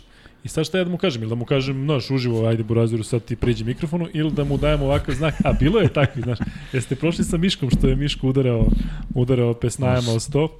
Ovaj, ali bilo je recimo takvih, takvih situacija ovaj, gde sam ja morao nešto da improvizujem, pa sam kao rekao, e, kao svi da priđemo mikrofonu u storija i ti smo bili na dobri distanci. Jelem, što se tiče Luke Mitrovića, zaista je sjajan momak i e, jedan od mnogih koji je imao te neke lepe stvari u privatnom životu, malo malo počumo da se neko ženi, Da, malo da, malo da, pa da. neko postao otac, ali što se tiče konkretno Luke, mislim da i on imao neki strah na početku da se malo, znaš, da, da se oslobodi, ipak mu je prvi podcast, nekako je čudno, ali ovaj, na kraju je ispao jedan od, od interesantnih podcasta Jeste, i i, na kraju... u tom periodu i najgledaniji podcast. Jeste. Apsolutno, jer je zaista bila jedna priča koja nije trajala, nije nije bila priča od jedne sezone ili jedne ili pola sezone, nego je to priča koju je koju on negde nekako da ispričao od onog prvog dolaska u Zvezdu, tako da imao šta da kaže i a, meni je baš drago što je bio, naročito u tom momentu, jer je, jer je na neki način smo tu malo pokrenuli priču a, vezanu za aktuelnosti i E. za goste koji su pričali o aktualnim temama. Pošto je bio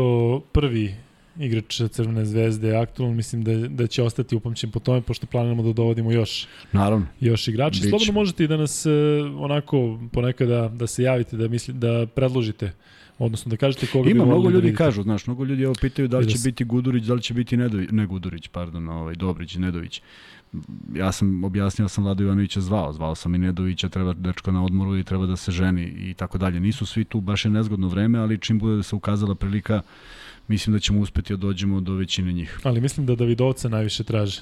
I... Pustio sam mu poruku čim mi nije odgovorio, znači da nije u Beogradu da je negde na odmoru. Mada ako on dolazi 1. augusta, pokušat ću da ga uhvatim makar do tog momenta u četvrtak. Ako Dobro, imamo pojavi. uvek i opciju Zuma, tako da ne mora fiksno da bude ovde da bi, Mora, mora znaš, bude ovde. Mora, a? pa šta onda Saša Stefanović da gasimo to da... da To više, to- to smo- sad smo ga spomenuli, da, ko zna kada. i gasi.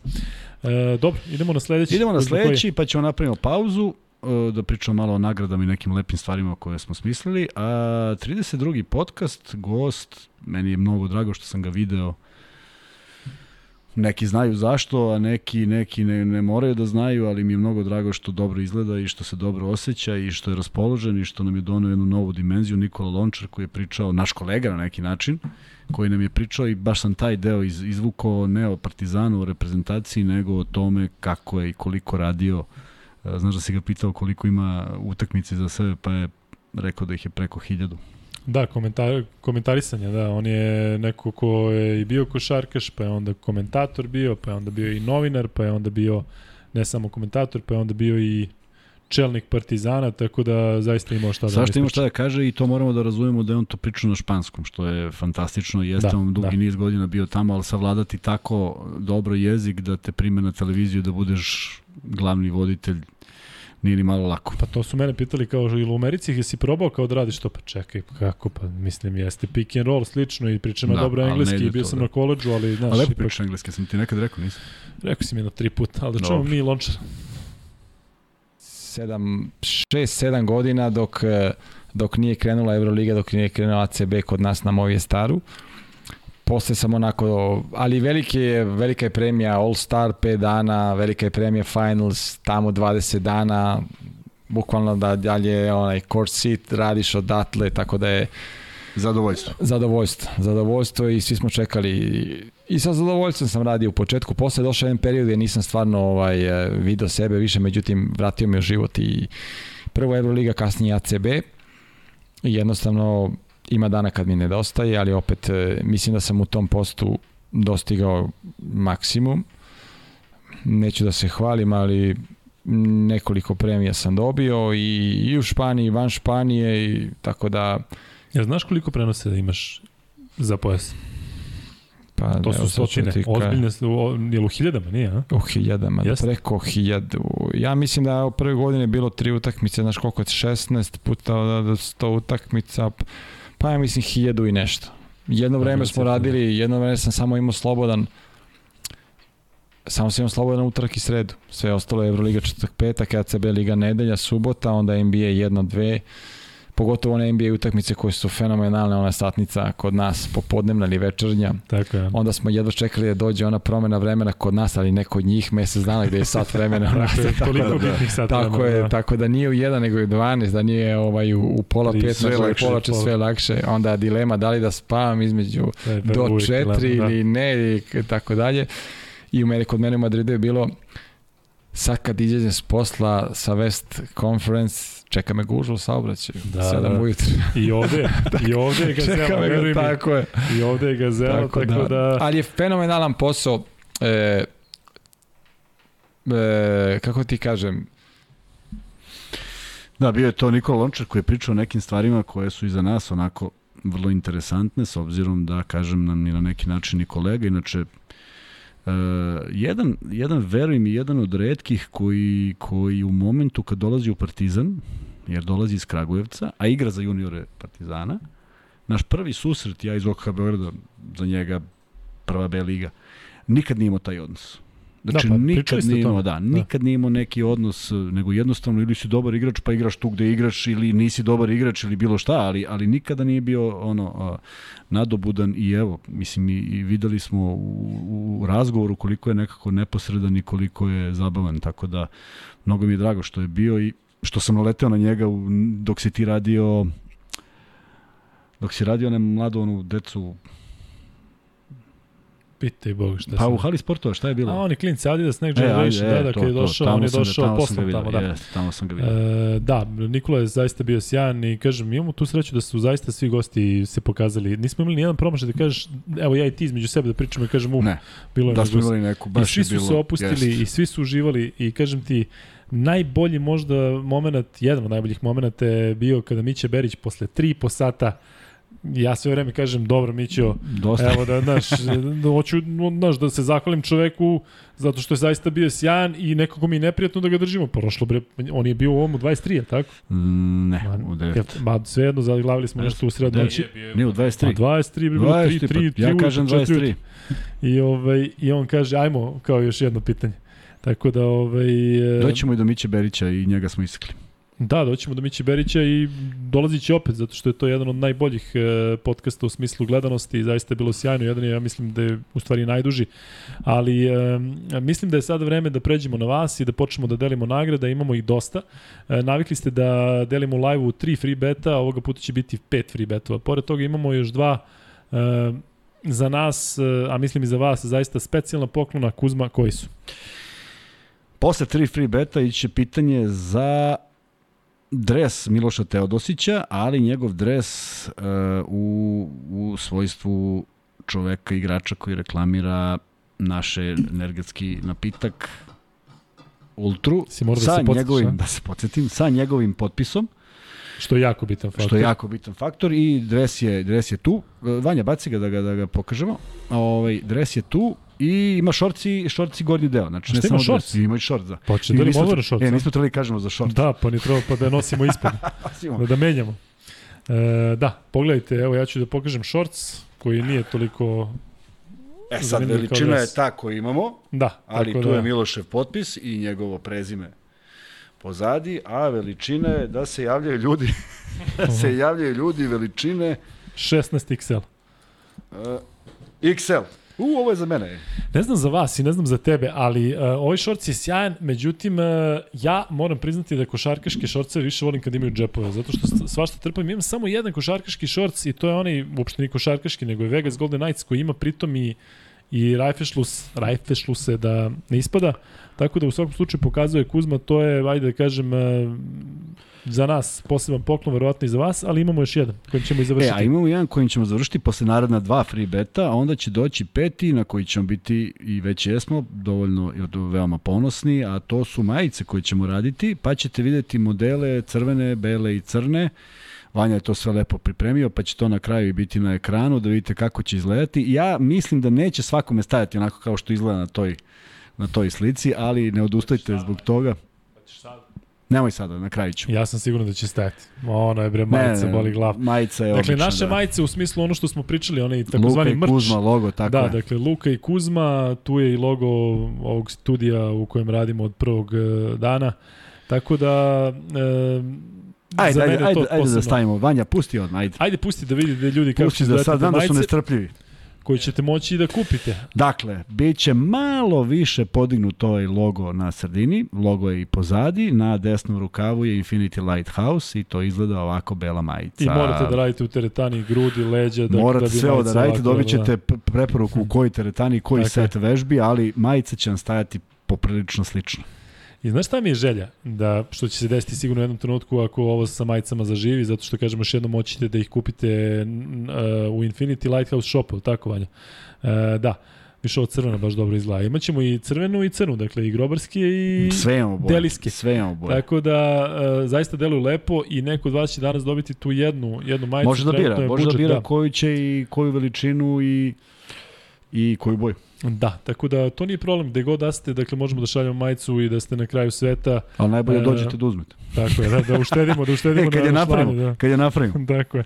A, ali imaćemo isti, isti uh, sistem, dakle, kada postavimo pitanje da se jave na Instagram i da tamo Isto, ostavimo isto sve, komunikaciju. isto sve, tako je. Dakle, plan je sledeći. Tri free beta, Teodosić dres, dva, Dva free, beta, beta. svi su po 1000 dinara i onda za kraj majica, birate veličinu, birate i boju, tako da će biti vrlo interesantno. Uh, hoćeš da krenemo odmah sa...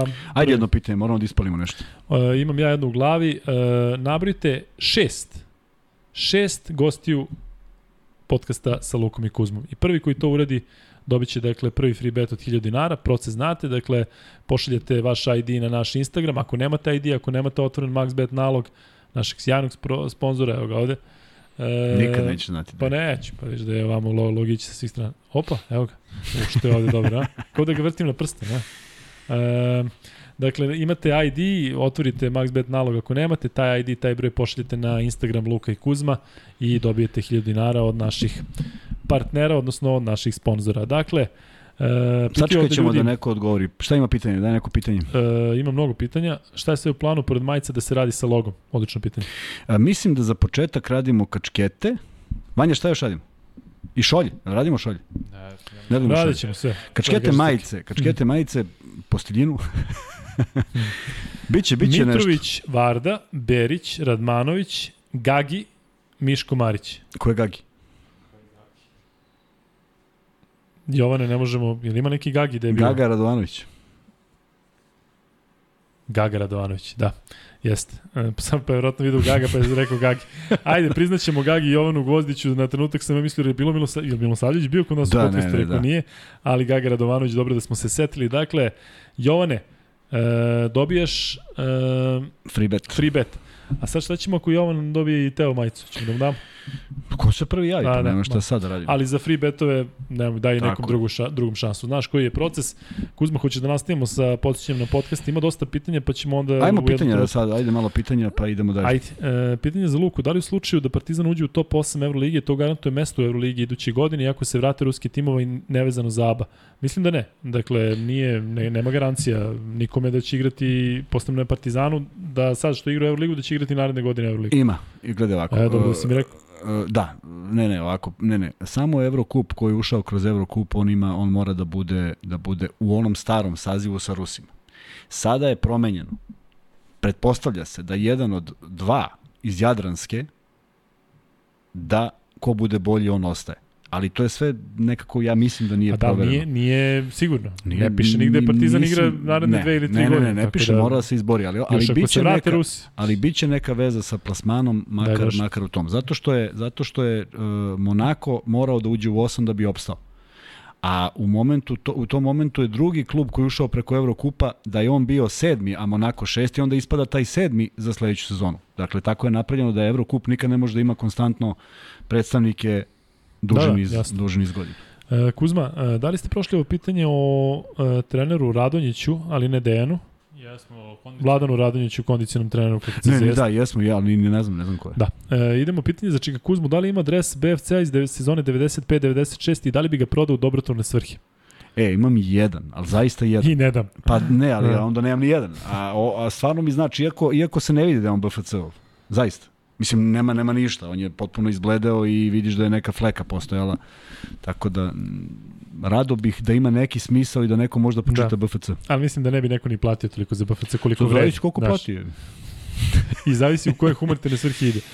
E, mišljenje da li će Panter odigrati bolju, slobodniju sezonu dolaskom prvenstveno na Anelija. Moraće da se onako potpuno adaptira i da se podredi tim. E, dve su opcije. Ili će se adaptirati i shvatiti da može da odmori određeni broj minuta u igri i dati svoj maksimum u onom broju minuta kada igra, ili će on terati neku svoju priču da mora bude broj 1. Ne deluje mi kao čovjek koji će to da, na tome da insistira. Naročito što mislim da oni imaju to jedno poštovanje među, među američkim igračima postoji, naročito što dobije igrača koji ima veće iskustvo nego on u Euroligi i možda neke malo bolje brojeve, ako može se kaže i veće uspehe i onda će to moći da funkcioniše ako su u paru odlično, a ako nisu u paru, svako će dobijati svoju, svoju minutažu, pa neka se izbori. Pokušavam da se setim da li su im se negde ukrstili putevi, nešto, Naneli je bio u Armani ukratko, da li je bio... Da su igrali pre zajedno? Da. Ne, nisu. E, 100% sigurno. Kako, kako kažemo ovo, ne, nisu kao znam, znači. A ne znaš ono tipu u srednjoj nemam školi. pojma o kome pričam. E, pitanje za Kuzmu, o potencijalnom dolasku Šabaza u Zvezdu. Hvala vam. Ne znam, ne, Napier, ne, ne da, da, ne znam, ovaj, nisam, ne mogu kažem da sam ga nešto mnogo gledao, sem, sem da, da sam to čuo, ali vidim da se ništa ne dešava po tom pitanju, pa su se pojavile još neka nova imena. Ajde da ne nagađamo, zaista smo prokomentarisali sve koje smo, koje, koje Zvezda i Da. Partizan koje su Ali ovaj doveli. mali se baš pominje. Mislim, mali. On se pominje, pominje, pominje, pominje, pa nikako prestane da se pominje, a ništa se ne dešava. Tako Ajde da vidimo pa ćemo imati šta da kažemo kada budemo znali da li jeste ili nije. Rekao sam moj san prošle godine da Zvezda i Partizan igraju Euroligu. Novi san je Dragić, Goran u Zvezdi, Facundo Campazzo u Partizanu. Hvala, vidimo se. E, Kuzma, sem pleja koja fali pozicija Zvezdi još po tebi. Pa ne, ne vidim da nešto fali. Na primjer, ja ne znam i voleo bi da ostane White i da bude onaj White kojeg smo poznavali. Tu je onda i Ilić na toj poziciji. E, centarska linija je sada popunjena. E, traži se playmaker, tu je Nedović na dvojici, tu je Ivanović na playmakeru, nekoga vjerojatno zaboravljam. Podsjeti me. Na pleju? Sigurno ima još nekoga koga sam zaboravio.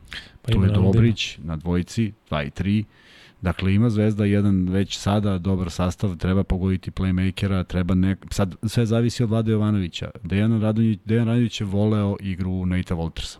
Ne mora da znači da će Voleće Vlada... i dalje sad u Pa, Panathinaikosu. da, pa verovatno je zato i tamo, Da. ali ne znam šta vlada gleda po tom pitanju, pa će od toga zavisiti šta mu treba od playmakera, da li će igrati brže, sporije, sporije teško da može, ali ali da bude da bude efikasno. Kuzma, apropo te priče da je Dejan Radonjić doveo neke svoje i sadašnje igrače i bivše igrače doveo u svoj novi tim, a koliko je u tvom periodu i konkretno koliko si ti imao u svojoj karijeri tih situacija da direktno od trenera zavisi da li ćeš ostati i koliko će ti biti plata? Čekaj da razmislim. Govorim pre svega u inostranstvu. U inostranstvu i zavisi, pa naravno. I jako je naš ma, trener. ma, Pa sticam okolnosti, Sava Vučević je bio tu, ja sam ugovor na dve godine, ali on nije bio za to, ili već neko nije bio za to da ja ostanem, što je bilo okej. Okay. Darko Ruso me je doveo u, uh, Patras. u Patru. Nažalost, otišao je posle šest kola, teško je razgovarati s njim kad on ima nekoliko poraza i jednostavno ne može da, da, da, da sagleda da ostane, ali mislim da smo, da smo i Varda i ja i Gregov ostali pre svega zahvaljujući njegovoj reputaciji u Grčkoj i verujem, duboko sam ubiđen, ga nikad nisam pitao, ali mislim da je on odlasku rekao da ne smeju da diraju ovaj sastav koji je on napravio i mislim da su se tako i ponašali i nisu ga dirali i uradili smo ono što je bilo planirano da opstanemo u ligi i da i uspeli smo da odemo na Final Four pre svega zahvaljujući njemu i spremanju utakmice protiv Panathinaikosa na Final Four kupa. Prema tome nije to bila ni malo loša sezona, a ja sam ubeđen da bismo mi bili u play-offu i naleteli na nekoga koga bi mogli da dobijemo u toj prvoj rundi 100%, ali kažem Darko nije mogao da izdrži. Treća, treća, treća moja sezona u Rumuniji, tu sam već bio, kako bih rekao, neko od koga je mnogo toga zavisilo.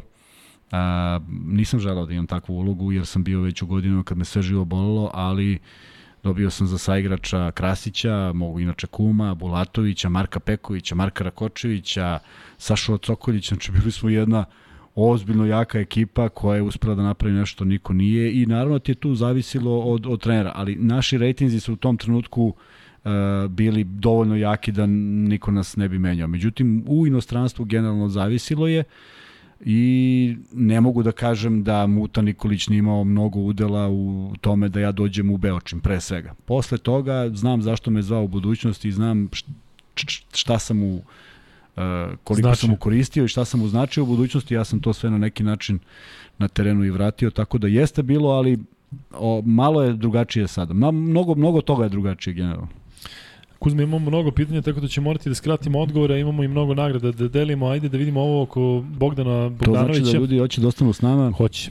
Trener, eh, Bogdanović trener posle operacije, da li postoji šansa da zaigra na evropskom? Mislim da su male šanse. Mislim ali ja da, mislim da ne bi ni trebalo. Ja, mislim da, pa između ostalog. Ja sam, da je... kažem ti komentator, ali sam pre svega, mislim pre svega, ali sam navijač reprezentacije, ali mislim da ne bi bilo dobro da on rovit posle takve ne, operacije, ne, ne, ne, ne, posebno ne bi... se kasnije priključi klubu, čak nije dobro ni za njega, ni za tim. Ma ni za tim, ni da za koga, ni za njega, ni za reprezentaciju, ni za tim koji treba da nastupa u NBA ligi. Prema tome pitanje da li bi dali dozvolu. I treba će nam, nek se čuva, idu olimpijske igre, ide sve i svašta, tako da svetsko prvenstvo na kojem nadam se da ćemo biti. Da. Mišljenje Kuzme o eventualnom dolasku Dimitrijevića u Zvezdu. Pročito sam to danas, dečko koji se probijao kroz, imao jako čudnu karijeru, ali vidim da igra sa velikim samopouzdanjem. Mm, Dopadao mi se i dopada mi se način kako igra, ali opet to je jedan viši nivo, jedan nivo na kojem ga nisam gledao, što ne znači da ne može da igra. Uh, dugi niz godina je već u inostranstvu i mislim da je dovoljno sazreo, ali da vidimo u kojoj ulozi, da li kao drugi, da li kao prvi, to neko drugi treba da proceni. U svakom slučaju negde interesantan igrač koji je kažem, uspeo bez mnogo neke pompe u, u regionu da napravi karijeru i svakom čast. Slušaj sad ovo, sad ide serija ovih kad sam ja ušao. Pozdrav Luka. A u, a u i dalje sam mislio da ste tu sa Vladom zbog majice. Luka, skini se. Ćao Luka, pozdrav. Što te Luka Bog kaznio da prenosiš meč ono dva nebitna igrača? Nije, obožavam ovaj posao, tako da samo je jako teško kada se ovako preklopi, što se nadam da se više neće dešavati. E, Kuzma pao sa prvog mesta ATP liste u podcast. pitanje za Luku, da li, dobro, to smo već prošli, e, pitanje je da li gledao Kuzma B diviziju četvrt finale, polufinale, finale, ovi momci su pokazali da su budućnost može i mora da se računa na njih i pre svega na trenera Jovanovića. Ej, gledao sam, gledao sam i ovaj, ljudi moraju, pričao sam o tome, moraju da shvate koliko je teško igrati na tom nivou u smislu Uh, motivisati se za tako nešto i divno je što su imali motivaciju, što su osvojili zlato i što sam smatrao da neće biti lako i bili smo ovde kad smo, evo sad ponovo spominjem, kad sam rekao da će Letonija biti ozbiljan protivnik bez obzira što smatram da smo bolji, ali mene brine jedna druga stvar, gde su ti momci sa svojom minutažom u nekoj perspektivi. Dakle, Aleksa Kovačević igra u Nemačkoj, koliko sam ja vidio, uopšte ne igra kod nas. Mušikić je neko ko igra u Megi. Za ostale igrače ne vidim da su da će uskoro biti u nekom u nekom možda u železniku, možda ovamo, ali to će biti sporadično. Dakle nema neke naročite strategije gde oni to sad mogu da igraju na nivou koji je iznad ovoga, a već imaju 20 godina, nisu neće biti oni su već seniori u, na svom nekom početku profesionalne karijere. Prema tome drago mi je što su uspeli, drago mi je zbog, zbog Vlade Jovanovića i ajde da vidimo neko od te dece uh, nekog od tih momaka u, u nekoj ozbiljnoj ulozi u, u, u Jadranskoj ligi. To bi volao da vidim. E, koliko se promenilo to u periodu kad si ti bio igrač? E, ti si počeo da treniraš sa koliko? Sa? 17 i po. Pa je ne to znam, moguće ja, danas? Ne. Pa ko bi te zarazio? Pa, pa niko ti ne bi dao šansu. Dobro, imaš ove Afri, afričke momente pa oni, kad neko počne sa 16, 17, dok A u stvari ima 28. Da. e, pitanje je za Kuzmu. Kuzmo, koje je tvoje najveće, pa nešto, Pošalji ponovo, Vladimire, nisi ovde dobro napisao. Čika Luka kaže, moja mama da skineš majicu. Mama kaže? Da. Koliko ima godina taj Ivica Milošević. E, veliki respekt za Vanju, koji jedino od onih svih podcasta pročita moja dva pitanja i to večeras. Šalje Čiča, nemoj da misliš da je nešto ovaj, organizovano. E, pitanje je za... Dobro, ovo smo isto prošli. Kuzmo, koje je tvoje najveće razočaranje od igrača koji nisu postigli svoj potencijal?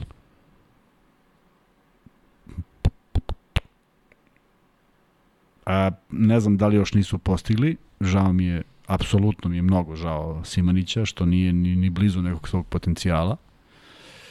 Uh, Izvini, mi njega opisujemo kao da je... Ne, ne, opisujemo ga, kažem. Ne, u smislu, da. znaš, Simanić, Simanić, kod da je nešto, jeste definitivno, smo očekivali svi više, ali on i dalje može da dostigne Ma, neke naravno, da, da, kažem, nego nije, nije do sada ostvario, ali ne znači da neće, potpisuje za Saragosu i kažem ti, želim mu puno sreće. Uh, ali mi je on bio, on je, on je onako najveća misterija u svemu ovome i sad zatečen sam pitanjem, ali odgovorit ću za sledeći put neko iz moje generacije od koga smo očekivali. Šekularac, a? Ne znam, Šekularac, apsolutno, bravo. Šekularac koji je vodio borbu sa samim sobom na terenu, a ne sa protivnikom. Neverovatan talent koji je, uh, jedan talent koji je potpuno pot, protraćen sa drugog, sa drugog aspekta jednog potpunog nerazumevanja je Balša Radunović. Ja ne da. mogu da ti objasnim št, kako je to izgledalo. Ja, ja ne mogu da i dan danas, dan danas kad ga vidim, mislim, mnogo mi je drag momak i stvarno smo se lepo slagali i, i, i baš, ga, baš mi je drag. Ja nemam odgovor za njegovu karijeru. Da on igra na nekom Kipru, Kipru, Kipru, Kipru, niko dode sa tog Kipra. A, a, telo, telo da poželiš, a, napadački, šta god, Da li mogu da se uigrao malo u odbrani? Pa naravno da je mogu. Da li mogu da igra na više pozicija? Naravno da je mogu. Ali morao je neko da mu posveti pažnju, a nekako iz nekog razloga a, nije. I to mi je mnogo krivo jer to ne može se vrati, a, a, a ljudi koji su gledali košarku tada nek se sete samo one utakmice protiv Reala kada je prodao nešto što nije dugo viđeno u Podgorici da neko stakne. Pa zaleteo se preko kroz reket i zakucao, sad ne znam Da. odakle se odrazio, mislim, potpuno. Tako da je bio dečko kojeg nisu razumeli. Možda je bio ispred svog vremena, pa niko nije razumeo šta igra. A kada smo već kod nerazumevanja, Kuzma kad je rekao Balša Radonović imao telo da poželiš, mislio je košarkaški, dakle, visina i sve, dakle, Ne da, mislim da ne ovim, neki, da. ovim... E, Hvala ti što si pojasnio. ne, pa da, znaš, da ne Da bude, ne bude ovaj, da ne krenu neki poruk ili ne znam. Jasno. Vanja, mišljenje za Minnesota i Portland sledeće godine. Vanja zaspa. Jesi tu? Čuješ se? Sad se čujem. Eto. Sad se... Kako je pitanje? Pitanje je za Minnesota i Portland naredne godine. Uh, mislim da je Minnesota all in.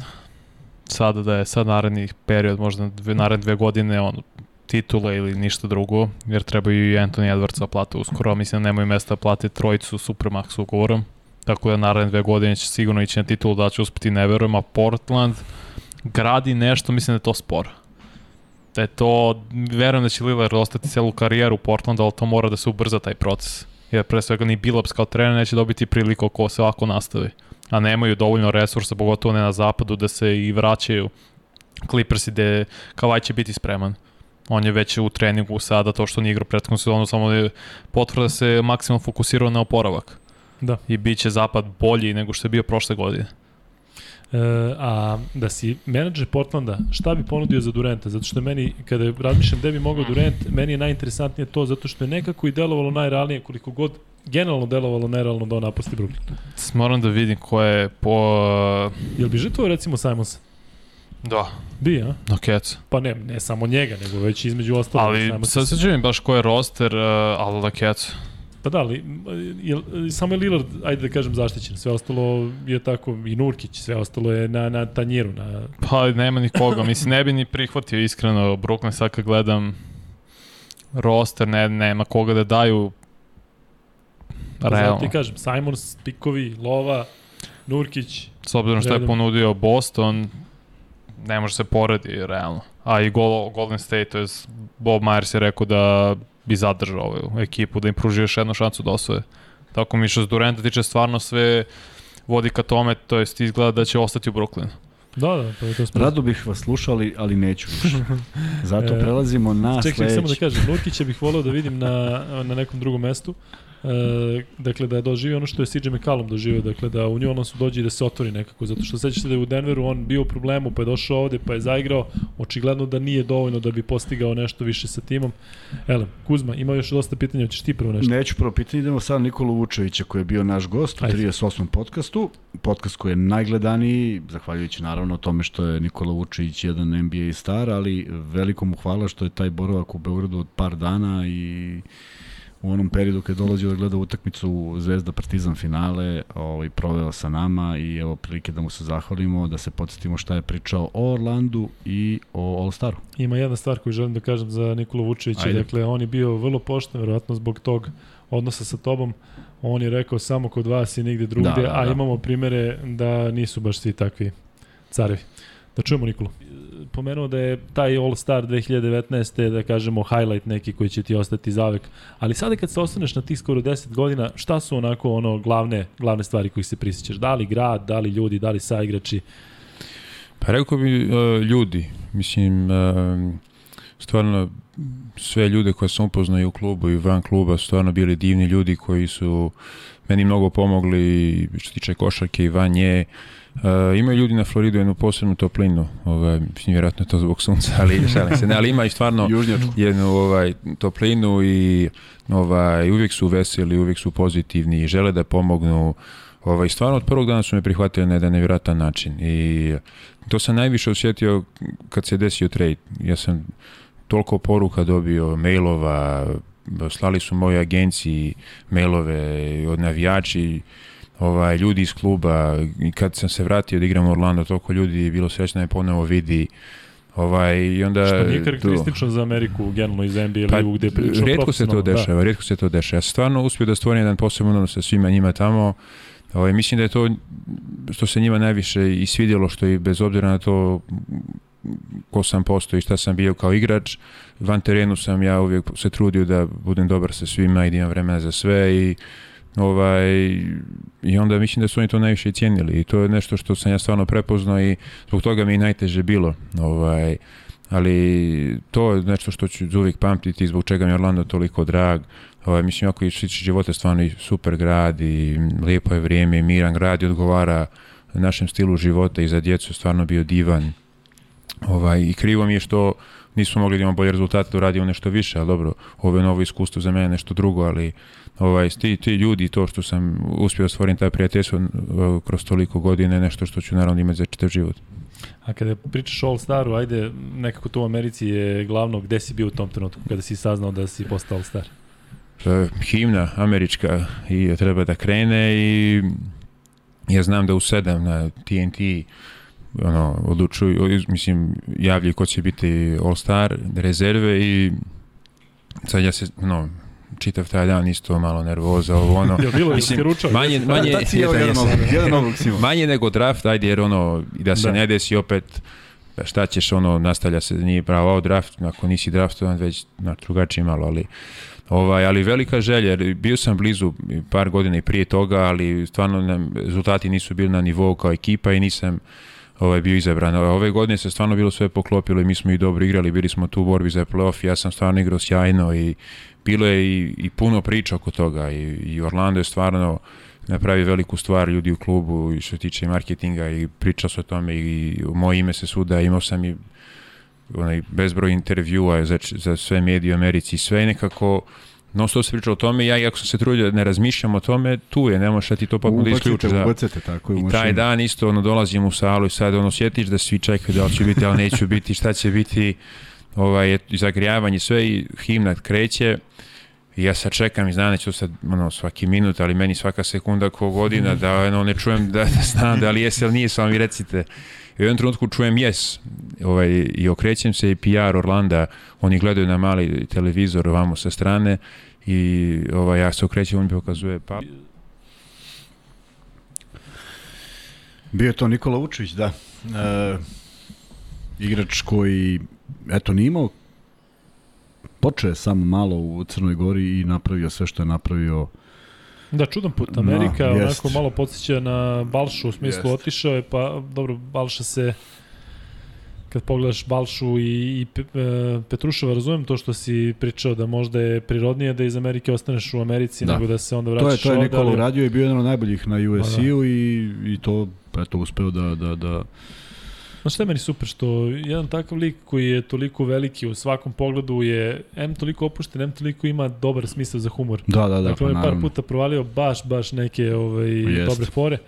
Elem, uh, Kuzmo, hoćemo dalje pitanje ili hoćeš da... Hoću još jedan, jo- još jedan Ajde, klip, još jedan idemo ispucaj. pitanja, da idemo po dva, pošto ih imamo još šest, to jest još pet. A, Nenad Čanak o reprezentaciji, čovek koji je doneo tu jednu jednu euforiju oko Litvanske lige, a da nisu Žalgiris i Lijetuos u pitanju sa sve onim što se izdešavalo, o čemu ne moramo i nisam to isekao iz klipa, ali jedan čovjek koji zaslužuje ja, zaista ne samo što je moj saigrač, već i jedno veliko poštovanje zato što je izabrao taj put. Znaš, kad ti neko kažeš Lijet Kabelis i ti kažeš u super, baš sam srećan, a u stvari tamo napravi rezultat i tamo postavi neke stvari na svoje mesto i odigra jednu odličnu sezonu u Evrokupu. Dakle, sve, sva podrška za njega i mnogo mi je drago što mi je bio gost i video si koliko je tek on opušten i koliko je Da. s njim zadovoljstvo pričati. Čanak, dakle, ne deluje tako, ti si ga znao naravno od ranije, ali ne deluje zaista tako, on se čovjek smeo i sam, i zasmejavao je nas, imao je Tako je. fenomenalne, fenomenalne viceve i sve i svašta, tako da ajde da čujemo Nenada Čanka. Detalji koji su te ipak formirali kao trenera koji, koji je počeo da radi dalje. Kakav, kakva su ti ta iskustva, jer sa Vladom si bio u dva navrata, da li imaš plan da se možda negde ponovo pojaviš? Sigurno, pre svega Vlada i ja smo bili saigrači i, i, i prijatelji smo. Ja kažem, iz tog Spartaka stvarno prijateljstva su mi za, za, za ceo život.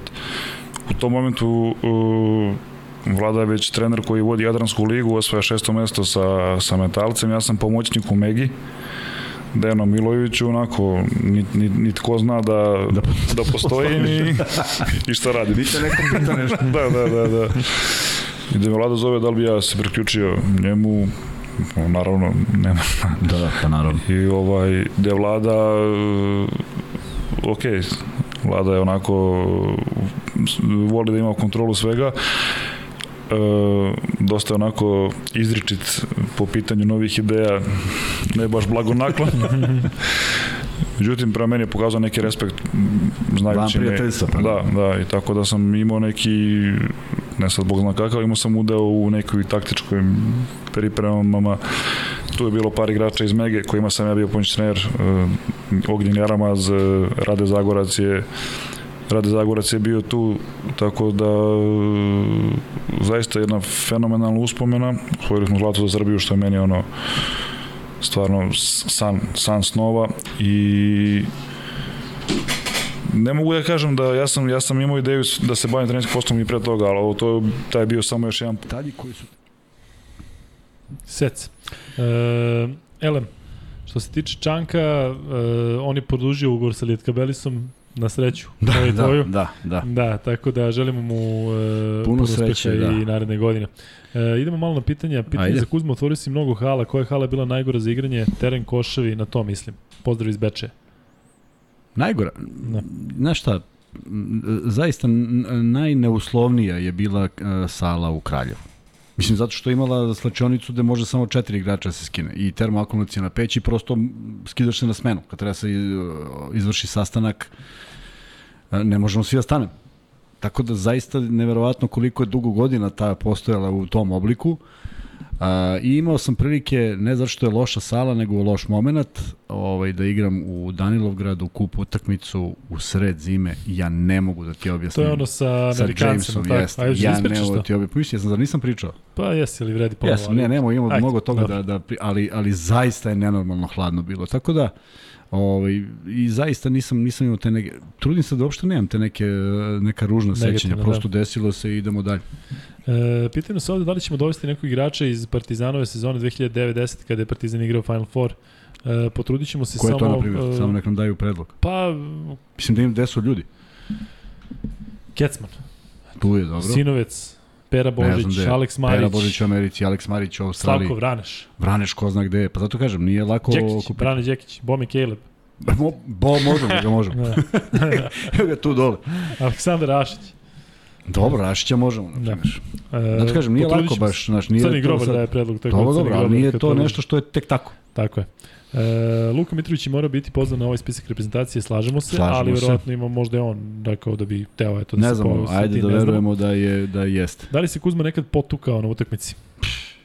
Naravno da Čuj nisam. potuku, tuku, tuku. Nisam. E, Grušanović i Vesa Petrović, volio bih da čujem njihovu priču. E, Mikan ne želi da Pričali smo izlazi iz. Šapca. Pričali, sam im Vesa da ćemo se Petrović, spakovati. Vesu da. ćemo da nađemo. Za Kuzmu i Luku, da li imaju planu? Dobro, to smo isto prošli. E, Kuzmu, kakav je bio rivalitet između Beobanke i Ive Šabac? I, i ko je rečao Mikanu Grušanoviću? Dakle, samo ovaj prvi deo.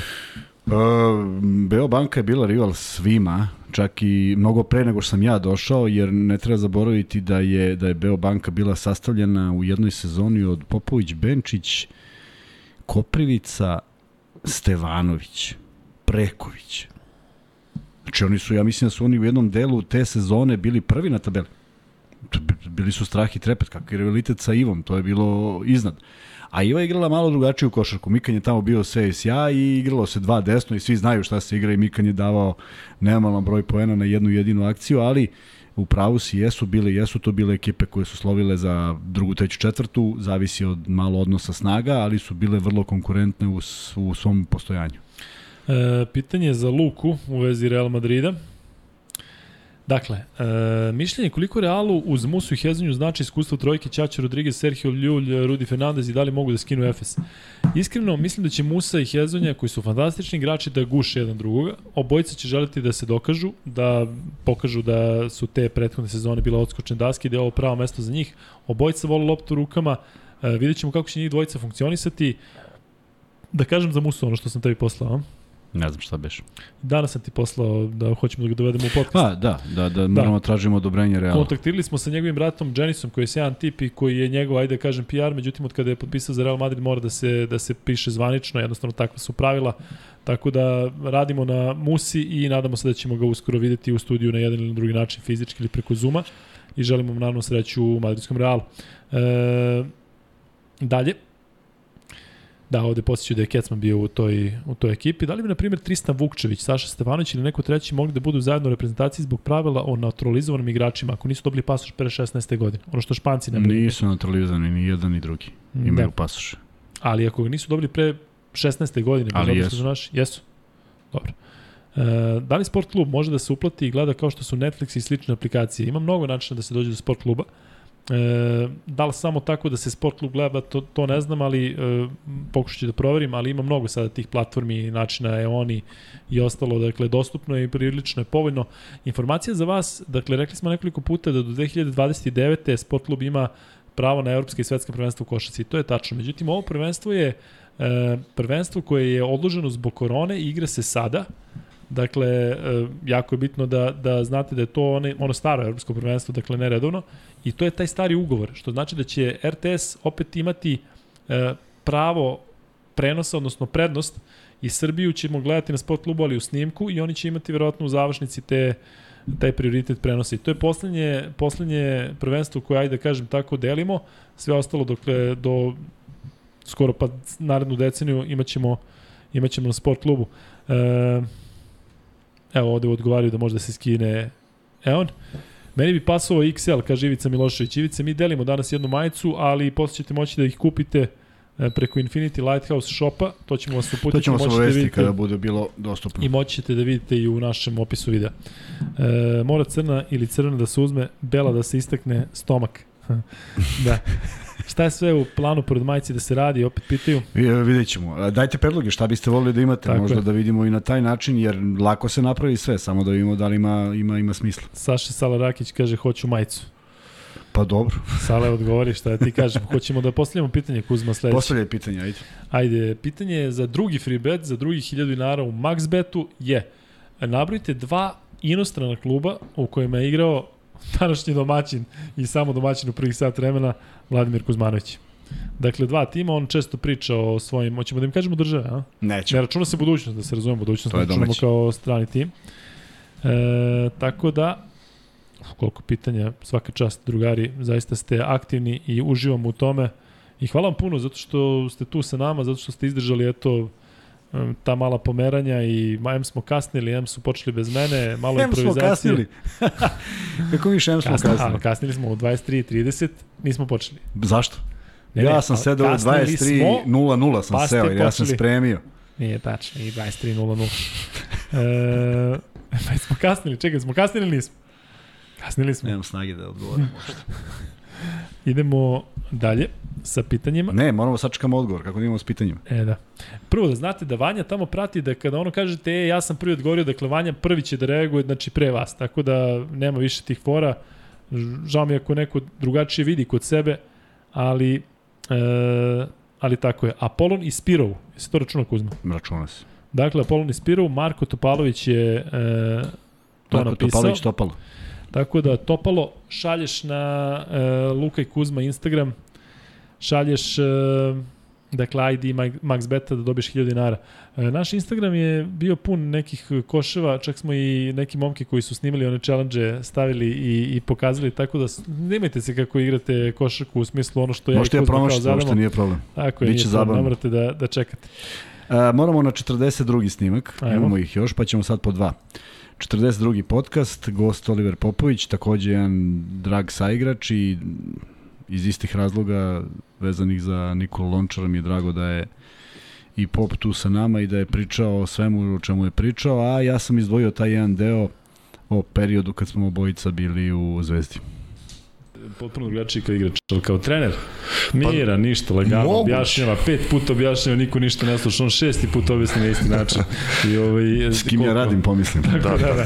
I A kao će saigrač je bio, pa mislim, mi smo jako lepo sarađivali. To, nažalost, jednu godinu Da, samo. nažalost, Trebalo je malo godinu. duže da bude to, ali to je splet okolnosti bio tako da smo se razišli, Ja ali... često pričam o tome, ali drago mi je da si tu, jer ja tvrdim da, Da. da bi te naše četiri godine, potencijalne, u najboljim godinama donele, a ne mora da donesu četiri titule, ali donela bi možda četiri finala, tri finala, dve titule, nešto bi donela mnogo više Slušaj, Kuzma, da smo ostali makar drugu u onom sastavu, da smo pojačali s jednom, jednim ili dva igrača, bilo bi mnogo, mnogo bolje nego što je bilo, ali jednostavno nismo mi imali mnogo uticaj na to. Ne, nažalost. Nažalost, mislim, tako nismo se pitali previše. Ali hajde samo da podsjetimo, e, kad ste igrali zajedno i u kom periodu ste Ne bili... gledaš u mene, se gledaju u popu. Da. E, igrali ste zajedno tu sezonu u Zvezdi. Jaš kad smo osvojili titulu i kad smo I došli... obojica ste otišli sledeće godine. Ne, ja sam ostao još Da. godinu dana, a ekipa se drastično promenila. Mislim, otišao i Željko Topalović i Kuzma i Benčić.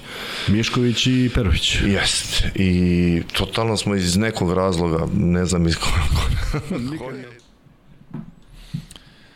Da, idemo dalje sa pitanjima, odnosno imamo još jednog, tako, vezat ćemo sada dva gosta, tako? Dva podsjećanja. Hoćemo, da, nas trojica malo kako nešto se glupiramo, ovaj 46. podcast, pa zašto da ne? Da. I pričamo o free betovima. Kako se piše? Geddersa. Kako se piše?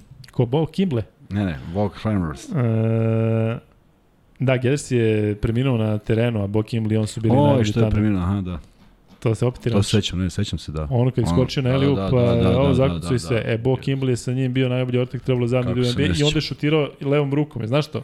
I- Levom rukom je šutirao slobodno bacanje, prvo slobodno bacanje njemu čast i pogađao, ne možeš da veriš kako. Ali nije napravio karijeru kako, kako je treba. E, dobro. E, Vanja, evo stižu, stižu odgovor, vidiš ti to? Ga vidim, vidim. Edi sa 2D, ovde sad se zezio. E, Dončić, Young, Zion, Ejton, Miličić. Ne, nije Dončić. Pa nije ni Miličić, rekao Nije. A, ali ima pet promašaja i to je dovoljno za free bet. ubacite Vanjino ime u ime podcasta. Ne, nikako. Ne, ne da ček. Jokić, Mitchell, Jones, Collins, White. Kako Jokić, Mitchell, nije Donovan Mitchell bio tada? Da nije neki drugi A nije, Mitchell, nije Donovan Mitchell. Wiggins, Jabari Parker, Embiid, Smart, Randall. Jest. Dobro. I to ih nabrojao, ja mislim, po redu čak. Pa už čovjek na Google. Dobro, Smart, Smart nije bio še, šesti, a Ja Randall mislim je da se bio on probudio sedmi. i pogledao to pitanje i odmah znao odgovor. Sad će da mi ispošlju, pa nije, ja sam rekao prvi. Mladen Perić. Mladen Perić, Mladen je šalje, a pritom je Milan Vušurović rekao, piše mi da mi nije aktivan nalog na Max Betu, dajte nekome drugom. Ono Šta nam rade, pitanje. šta nam rade ljudi? Ajde, smislimo još jedno pitanje. Ne, neko odgovori, neko odgovori isto.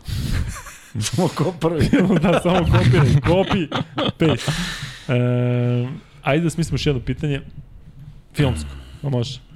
Kako se zovu... Si gledao ti Sopranos? Kad smo Ne, kod ne, pitanja? Nisi? ne, nisam. Znaš da Ali ovo ti je bilo dobro pitanje, žao mi što, smo ga, što ga nisam. Pa, trebalo. Da, trebalo. Ali Sopranosi imaju... Sećaš da si pitao? O, za filmove? Da, baš ovde. E, domaći nije. Nije, Nego? domaći. Ko je glumio White Man Can Jump? White Man Can Jump, da. Sidney Dean i Woody Harrelson, kako se zvao? Ne mogu se setim.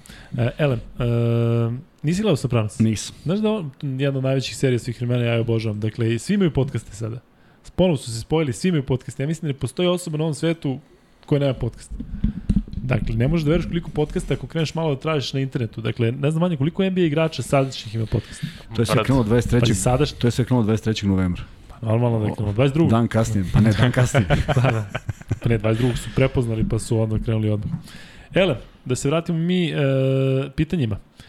Kuzma, Luka, Vanja gosti u podcastu, ovo se neko zeza. Da li mislite da je Papa Petru najveće pojačanje Partizana kao što je objavio Eurohoops? Kuzma. Ja mislim da je vrlo bitan igrač za Partizan, zato što će biti all around, zato što može da igra to, zato što će sa tom idejom doći. Ako si priča o ovoj dvojici koji će se nadmeću vezano za za Hezonju i za Musu, ovaj, on nema tu ideju. U, duboko sam ubeđen da on čovjek voli da igra to što mu se, ovaj, što mu se da, to je da igra sve i negde verujem da neće imati opterećenje poena i da će biti pravi onaj ajde da kažem uslovno rečeno domaći igrač koji može da poveže sve i ofanzivno i defanzivno. Pritom ima jako mnogo talenta, ali kažem, zna da se podredi kolektivu i da mu koševi uopšte ne budu nešto prioritetni. Za mene je možda Andjušić e, najveće pojačanje zbog toga što je domaći igrač i zato što je povratnik u Partizan, dakle dolazi na gotovo. Zna halu, zna sve, Papa Petru verovatno neće moći od prve utakmice da bude Papa Petru kako Mo- očekujemo. Znam da Kuruc ni, nikada nije da, bio. Ali, ali, ali veća je konkurencija u tome što igra uh, Andjušiću, jer tu su i ova dvojica, a, a, a Papa Petru može da igra to. Pozdrav ekipa Luka ko osvaja umag. Ne znam da li me pitaš za tenis koji sam radio sad ili pitaš za onaj 3x3 turnir, ali osvojit će domaća ekipa. Kad kažem domaća, mislim ekipa iz regiona. Elem, Isaiah Taylor se pominjao iz Mursije kao um, neko ko bi možda mogao da dođe na poziciji playa, ali dobro, ajde da se ne bavimo tim, uh, tim uh, nagađanjima. Pitanje za Luku, dobro, to smo isto prošli. Pitanje za Luku, koliki je domet Partizana u Euroligi i koja još pozicija po tvojom mišljenju treba da se dopuni? Definitivno niti- mislim da, da treba dođe play, ja i dalje tvrdim da Exum ne bi trebalo da igra mnogo na playu. E, neki, ajde da kažem, e, provereni e, evroligaški play ili NBA e, igrač koji je ranije nastupao u Evropi. Mislim da je to potrebno Partizanu, ove ostale pozicije me deluju dobro popunjene, nadam se da će Smajlagić biti zdrav i da će biti gužva, da će baš da se bore na tim visokim pozicijama za, za mesto. U svakom slučaju e, mislim da Partizan može u top 8. Dakle, ja se nadam da će Zvezda i Partizan moći u top 8, ali neko mi deluje da će jedna od te dve ekipe ići u četvrt finale i jedva čekamo Euroligu. Dakle, imat ćemo Evropsko prvenstvo, pa onda kratku pauzu u Euroligu. Dakle, bit će podcasta i podcasta. Jel Partizan ostaje sa Les Lesorom i Koprivicom na petici ili planiraju da dovedu još nekog igrača? Kuzma, ostaju u Lesori i Oni ostaju tako? potpisali, To produžili nema su, šta. tako je. Mišljenje o malom Topiću i Zvezdi hoće li mu Vlado Ivanović dati šansu? Ja bih voleo, mada je prerano za, za, za Euroligu. E, momak koji mislim da ima šanse da bude odličan igrač iz prostog razloga što nema te fizikalije koje upadaju u oči, pa sad se svi zaljubi u njegovo telo, pa mu kažu da je sledeća njegova stanica NBA, nego čovek igra iz utakmice u utakmicu, gradi neki svoj identitet, all around igrač, mislim da, da dovoljno dobro poznaje košarku i on je glavna neka motorna snaga zvezde sad u, ovom, u tom uzrastu i mislim da će vrlo odgovorno ispunjavati sve svoje zadatke ali prostor bi morao da se nađe ili negde na kaljenju ili u okviru ABA ligi, ali mislim da će u ovom sastavu biti teško da bude među 12. Luka i Kuzma, kako da vas nađem na Instagramu? Luka i Kuzma spojeno, je li tako? Luka i Kuzma samo Da, tako. da, ali mi smo spojeni nešto. Luka i Kuzma, nema šta. Luka i Kuzma, ne. E, Free bet pitanje. Ajde. Ko je Sarazio Mujanović iz, Jugoslove, iz Jugoslavije bio na... Pa ne veze, mi smo danas. Dobro. Po, da isti čovjek odgovori, na isto pitanje. Pa hoće sigurno i sad Ajde. se probudio. Ajde. Ko je bio na u, u na, uh, sad si me potpuno u, U generaciji Hall of Famera. Jeste, tako generaciji Jedan Hall of ili- Famera, dva imena iz Jugoslavije. Dva imena iz Jugoslavije, ko je bio sa Razimom Mojanović u istoj generaciji koja je primljena u Tako kuću je. slavnih u Springfieldu. Tako je. Ja sam se sad izvukao, sam dobro. I izvuku se, Ovaj, ali, Malo sam ali još ono ono- kašnjenje od 15 akademskih Pa minuta. pitaj, pitaj Milija Poljičaka i ovog... Pitaću ga. Marka, Marka i Milija pitaj. E, umeđu vremenu, dok ne stignu e, odgovori, e, pitanje je za Luku. Vanja rekao da mu je Carmelo u top 5 ofanzivaca u istoriji NBA. Slažem se potpuno. E, ja sam igrao protiv Carmela. Njegova prva jedina sezona na Syracuse je bila i moja prva godina na koleđžu, iako je on dve godine dve godine mlađi, ja sam kasnije od dve godine na koleđžu, igrali smo u nekom skrimidžu, ja ne mogu da vam objasnim kakva je to snaga i pritom sam ja odigrao jako kratko, ubacili su me da ga čuvam, on me čovjek, ne možete da verujete šta se dešava kada Carmelo uđe u vas ramenom, pritom je on malo onako na Syracuse delovao debeljuškast, a neverovatno pokretan i e, sa druge strane, e, nije samo Vanja to što priča, nego jednostavno e, njega su u NBA ligi igrači i saigrači i protivnici govorili da je, da je nezaustavljiv. Ma, ljudi, gledajte samo 62 protiv Charlotte, ono ono je umetnost. A da, on deluje, je bukvalno on deluje da samo ima taj sa polu distance, da se onako podigne uz neku fintu, u stvari to najbolje radi, odnosno najviše radi zato što tako Pa dolazi do šuta. sam si ti pa da. rekao, u to, da kažemo, nek polu distance, kad uđe u tebe ramenom, Ma, ne, oduvate. Ba, ne do Boga. Pa oduvate, ne, ne, čovjek je stvarno bio i toliko prele, pre, prelep šut, mekana jeste. ruka, stvarno, baš je bio i igračina. Da, da. E, dakle, odgovori za free bet e, su sledeći. E, Kuzma potvrdi da je ovo tačno. Duda Ivković i Toni Kukuč. Tako je. Jovan Gvozdić. Jovane, već smo rekli, ne možeš da, po, po, da pokvataš sve free betove. Smo Jovanu Gvozdiću dali prvi, prvi free bet. Ne. Ne. Pa ne, mogu sad mislim da nije. Sad ću ja da vidim. Vidi da li je Javio Jovan se. Gvozdić dobio prvi free bet danas. Mislim da nije. Drugi nije sigurno. Pa meni da li da je Drugi prvi. je topalo, top, ne top, Da. top, Prvi. top. A prvi, Joco. jel piše Joca da se, se prijavio? Joco nam je biti na kraj srca Joco, pa mora inače A neko da se gladi. Gvozdić, Gvozdić Jovan. Gvozdić, Jovane, daj šansu drugima, vidimo da si spreman svaka ti čast, ali e, Pa i Marko je drugi, ne Marko je drugi, pa ima još neko da? Ivan Lazarević. Ivan Lazarević. Da, napisao je Šta je Marko drugi? I, I sad je odgovorio Marko, hoće i on još 1000 dinara. To palo, to palko. Da. Dakle, ko smo rekli? Ivan Lazarević. Ivan, pa da, napisao je umesto Kukić. Kuku da Svi znamo da je Kukoč, tako da nema šta. priznajem. E, Kuzma, pitaju za Radeta Milutinovića, gde? Ne znam, ne znam, nikoga nije vidio 100 godina. Da. On imao interesantne priče, bio onako nezgodan igrač. Jest. Posle jest. nekih bilo neprijatnih situacija Jeste, van nešto terena. se dešavalo, da. Ja, sviđa mi se što svi pitaju Kuzmu gde su bivši igrači, znaš, kao da je on... Pa dobro, da ljudi. Svega toga. Sedim po gradu ali i razumem, popisujem. Razumem, Da, pa sad naravno, inače pa ga naravno, sretneš naravno, pa ti on kaže, dakle, Naravno, ima neki s kojima sam dan danas u kontaktu i za, za koje stvarno znam, ali neke nisam vidio 100 godina. Pitanje za Vanju Luku, šta je budućnost Knicks? Ništa. Najgore franšiza u istoriji, dakle, pa ne, majke moje, ne mogu da dovedu superstara od Carmela Antonija, a pritom i on ne mogu da kažem da je bio promašaj, ali taj period sa njim nije bio, nije bio toliko uspešan. Dakle, katastrofa, jako i navijam za New York Knicks u smislu da zaista ta jedna franšiza napravi nešto, ništa ni na draftu, niti bilo šta. Mislim, ne vidio se tamo New Yorkčani više nego ja. Šta kažeš, Vanja? Pa nema ništa, upravo si što je najgore. Mislim, ako traduju za Mitchella opet, šta ti to znači jedan Donovan Mitchell koji je u najbolju ruku na šampionskom timu drugi najbolji igrač. Da. Ne može da predvodi, nije kalibar Dwayne Wade koliko su ga poredili, na primjer. Prvo, meni je nevjerojatno da Donovan Mitchell ne igra odbranu uopšte.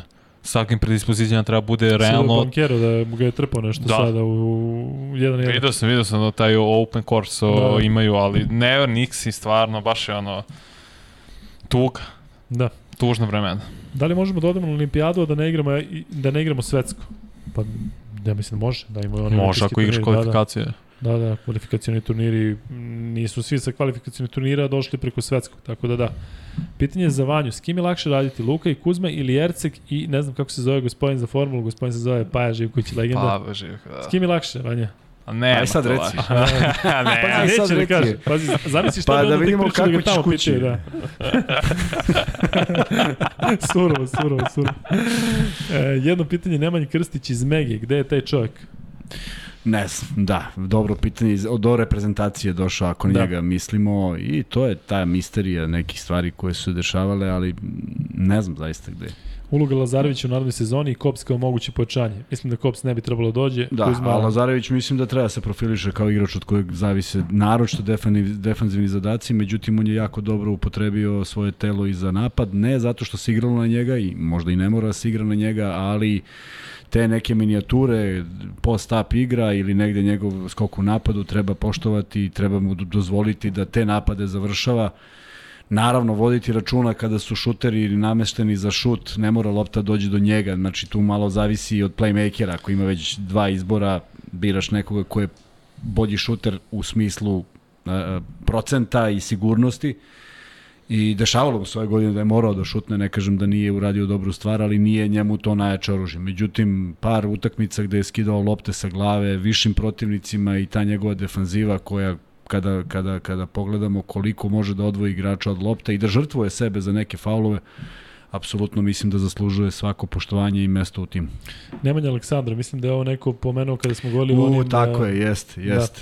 I neko mi ga je spomenuo prošle nedelje ili pretprošle Da. na jednom od podcasta, da, velika, velika šteta. Isto telo. On samo, on samo da nije otišao u reprezentaciju 2007. 2007. 7, je li tako? 7. Ono i Miličić je ono kada Da. je bilo tako. Da. 7, ja mislim da je. Pa mislim da nije 7. Je tako? To je ono sa Rusima. Rusi A su sad, uzeli, jel? 2007, za, ne, ili 9, 7, 7. A možda i 9. Ne, deveta je bila kad smo uzeli medalju. 7, E, 7, onda je 7. 7. I, I Bata Zimunjić, kondicioni trener Partizana, je radio u Zvezdi i molio ih je da ga ne puste zato što mu koleno nije zalečeno. Oni su radili svaki dan u teretoni, Da, ja sam živao blizu, prolazio, pa, ga vi, pa ih vidim i kaže imamo problem nikako da splasne taj otok. Uradili su sve kako treba. I kaže da će ovaj odlazak da ga košta i košta ga. Da, e, to je ono kada pričamo malo o reprezentaciji zašto neko ne ide, pa nekada Tako neko je. ne ide zato što je stvarno Ne bolje za njega da ne stvarno, ide. Da. E, dobro, Luka, da li bi dao laptop na giveaway, ali da ne, se ne briše ništa iz njega? Evo ga, imamo, Nije moj imamo, laptop. imamo, Aleksu, imamo Aleksu Rusa na vezi, sina Darka Rusa, inače kondicioni trener, i kaže da je Krstić u Kap, Kapfenbergu u Austriji. Eto, Dobro. informacija iz prve. E, u Austriji košarka se onako podiže e, iz godine u godinu, čak sam gledao njihov tim ovaj do 20 godina, ajde da se nadamo da, da je to dobro mesto da da se odradi taj deo karijere. Koliko može da ima poverenja u novog trenera KK Crvene zvezde Vladimira Jovanovića da će moći da uspostavi uspešno novi sistem u zvezdi. Drago mi je da menjamo sistem i valjda ćemo igrati lepše. E pa znaš šta, sad to naravno to je veliki izazov za njega i on se nalazi u nekoj situaciji u kojoj se nađe svaki trener koji, koji hoće napred. On, uh, mislim da je skinuo jedan veliki teret sa svojih leđa, a to je ovo u, u 20 i da sada odlazi na odmor malo srećniji i da će srećniji dočekati početak sezone i mislim da je to stvar odnosa prema igračima. Dakle, igrači ne vole trenera kojeg ne poštuju, to je sigurno. Ja zaista sa svim trenerima koje sam poštovao, voleo sam da radim. Naravno, bilo i onih koje ne možeš da poštuješ iz hiljadu razloga, ali prvi taj stav, ako uspostaviš odnos poštovanja, pre nego prijateljstva, Darko Rusu se nas nama nije družio, ni ti kad sede u istoj prostoriji, u onom hotelu, kada ako bi mogo da bude u drugom. Meni je to bilo sasvim okej, okay. uopšte nismo morali da budemo ako ja njemu verujem na terenu. Tako da ja zaista želim vladi da uspostavi taj kontakt ipak pred igračima koji su, eh, ako ništa drugo, ako ne govorimo o nekom rejtingu, a sigurno su plaćeni, pretpostavljam da su plaćeni, jer ovo što se dešava je sigurno nešto što nismo navikli da gledamo samo da uspostavi dobar odnos i da mu veruju da ono što on radi, da radi dobro. Apropo te priče oko trenera koji sede, Aca Petrović, sada aktualni zbog svega sa Cibonom, koga bi inače mogli da zovem, možda da kaže neke pametne stvari. E, 2007. na All Star, on je bio jedan od trenera, ja sam bio tamo u hotelu i e, bio je tada u Zadru, e, njegove ekipi bio je neki ekstremno dobar košarkaš crnac, sada ne mogu da se setim, koji je sedao sa devojkom i koji je želeo svoj mir dok doručkuje. Međutim, Aca Petrović je došao i seo za njegov sto i počeo da priča toliko široke košarkaške priče o, ovaj igrač nije progovorio dve reči i u jednom trenutku ja mislim da je prekinuo da i rekao ja stvarno moram da idem, ali nije imao lošu nameru, razumeš Aca Petrović, nego jednostavno, znaš, verovatno da ostane neku komunikaciju koju inače nisu. E, u, pazi, pitanje je za free bet, nas pitaju, u kom je podcastu Kuzma nosio onu legendarnu košulju što liče na sako Jimmy Barki? Ajde, ajde, ko odgovori ima free bet. Pa čak i taj što je, samo taj što je pitao ne može. Ko je pitao? Nenad e, Kragovac. ne, ne, ne može da odgovori. Hoće stvarno? Hoće stvarno, evo pitali smo. U kom podcastu je Kuzma nosio tu legendarnu košulju koja podsjeća na Jimmy Barku? I možete da nađete na internetu. I možda se nađe na internetu. Kuzmanović u košulji i odmah će vam izaći ta vest. To nam je četvrti free da znaš. E, idemo dalje. Naslov je Kuzmanoviću gde si kupio košulju. To je neki tabloidni, verovatno. Ne, to su neki ovi naučni. Kad zovete mog starog trenera u gostu Vlado Ivanovića iz Čačka? A, Vlado Ivanović iz Čačka, Vlado Ivanovića u Podgorici, tog. Pa pozvaćemo ga, samo da bude u Beogradu, da. E, Topaloviću spava i dosta kocki i free betova za tebe. e, za Kuzmu pitanje. Prvo pitanje su da se gore e, najgori i najbolji tim e, Euroligi. Za mene, ko bi bio na dnu? Pa verovatno Alba. Alba nekako mi ne deluje da bi moglo u top 8. Može svima da pomrsi računa, ali nekako kažeš Alba, nekako mi su mi onda zakucani za dno. Mislim da bi Žalgiris mogao da ima mnogo bolju sezonu. Dakle, ne mogu da imaju ovako lošu. Da, ovako lošu Ali ne. ko ti je najbolji tim? Ko ti ima naj, naj, u trenutku najbolji, najbolji sad, sastav? Da. Sad, pa nisu još formirani. Ne mogu, ne mogu Ali da... sad? Pa ne znam. Pa Efes, ne možeš da kažeš Efes. Pa ne mogu, ne mogu da, mislim da će tu doći do nekih lomova. Mora dođe. Da li ste zvali Jokića u podcast? Nismo. E, pa kako? Vidjet ćemo. Mislim, nije to baš lako. Nije to baš mi sad nazovemo Jokića, on kaže važi sad ću dođem. Mm, da, ali Malo je znate teže. da on ne voli, ne dolazi u Beograd, da je ko čovjek kad je ovde voli svoj mir i sve, ali probat ćemo. Što Inače, Vladimir Radovanović nam kaže uživo, bravo Slušaj, momci, Jokić se kasnim... ne, ne odaziva ni za reprezentaciju, a Pa kamoli podcast. nama, pa hvala Bogu. Da, šta kažeš? Vladimir Radovanović kaže, bravo momci, kasnim na posao sutra zbog vas. Eto. Ali mi mislimo da je on veseo. čast. Ja mislim da je on veseo što kasni na posao. Pazi, Jelena Miladinović, Jelena Miladinović, et Nikola, idi spavaj, imaš trening sutra. E, To se dopisuju tu. Tako je, da. Ako Vanja može da prokomentariše, da li mu je žao što Chris Paul nema šampionski prsten? Jedino što mi je žao jeste što Chris Paul nikad nije igrao, zaigrao za Lakers. Što je taj trade bio vetovan od strane tada komesara, o, kako se zove, Stern. David Stern, da, da. Ja, ja verujem da bi osvojili prsten naredne sezone da je otišao u Lakers. Iskreno. Dobro, ostavi je utisak u Lakersima kad se tuku sa Rondom tamo. Pa, Neko da, da. odgovorio na košulju. Ja, da. Ja, aj da. Moguće, ne znaju kad sam nosio Ne, ne, ne, nije, nije do njih, nego do mene. A, 21. podcast. Jel jeste? Nemam pojma. Otkud to ja znam? Pa to ćeš sad E, pa čekaj, stani. Evo sad ću ti po... Analiziramo sve šta je Zvezda izgubila ove godine, a mogla da pobedi.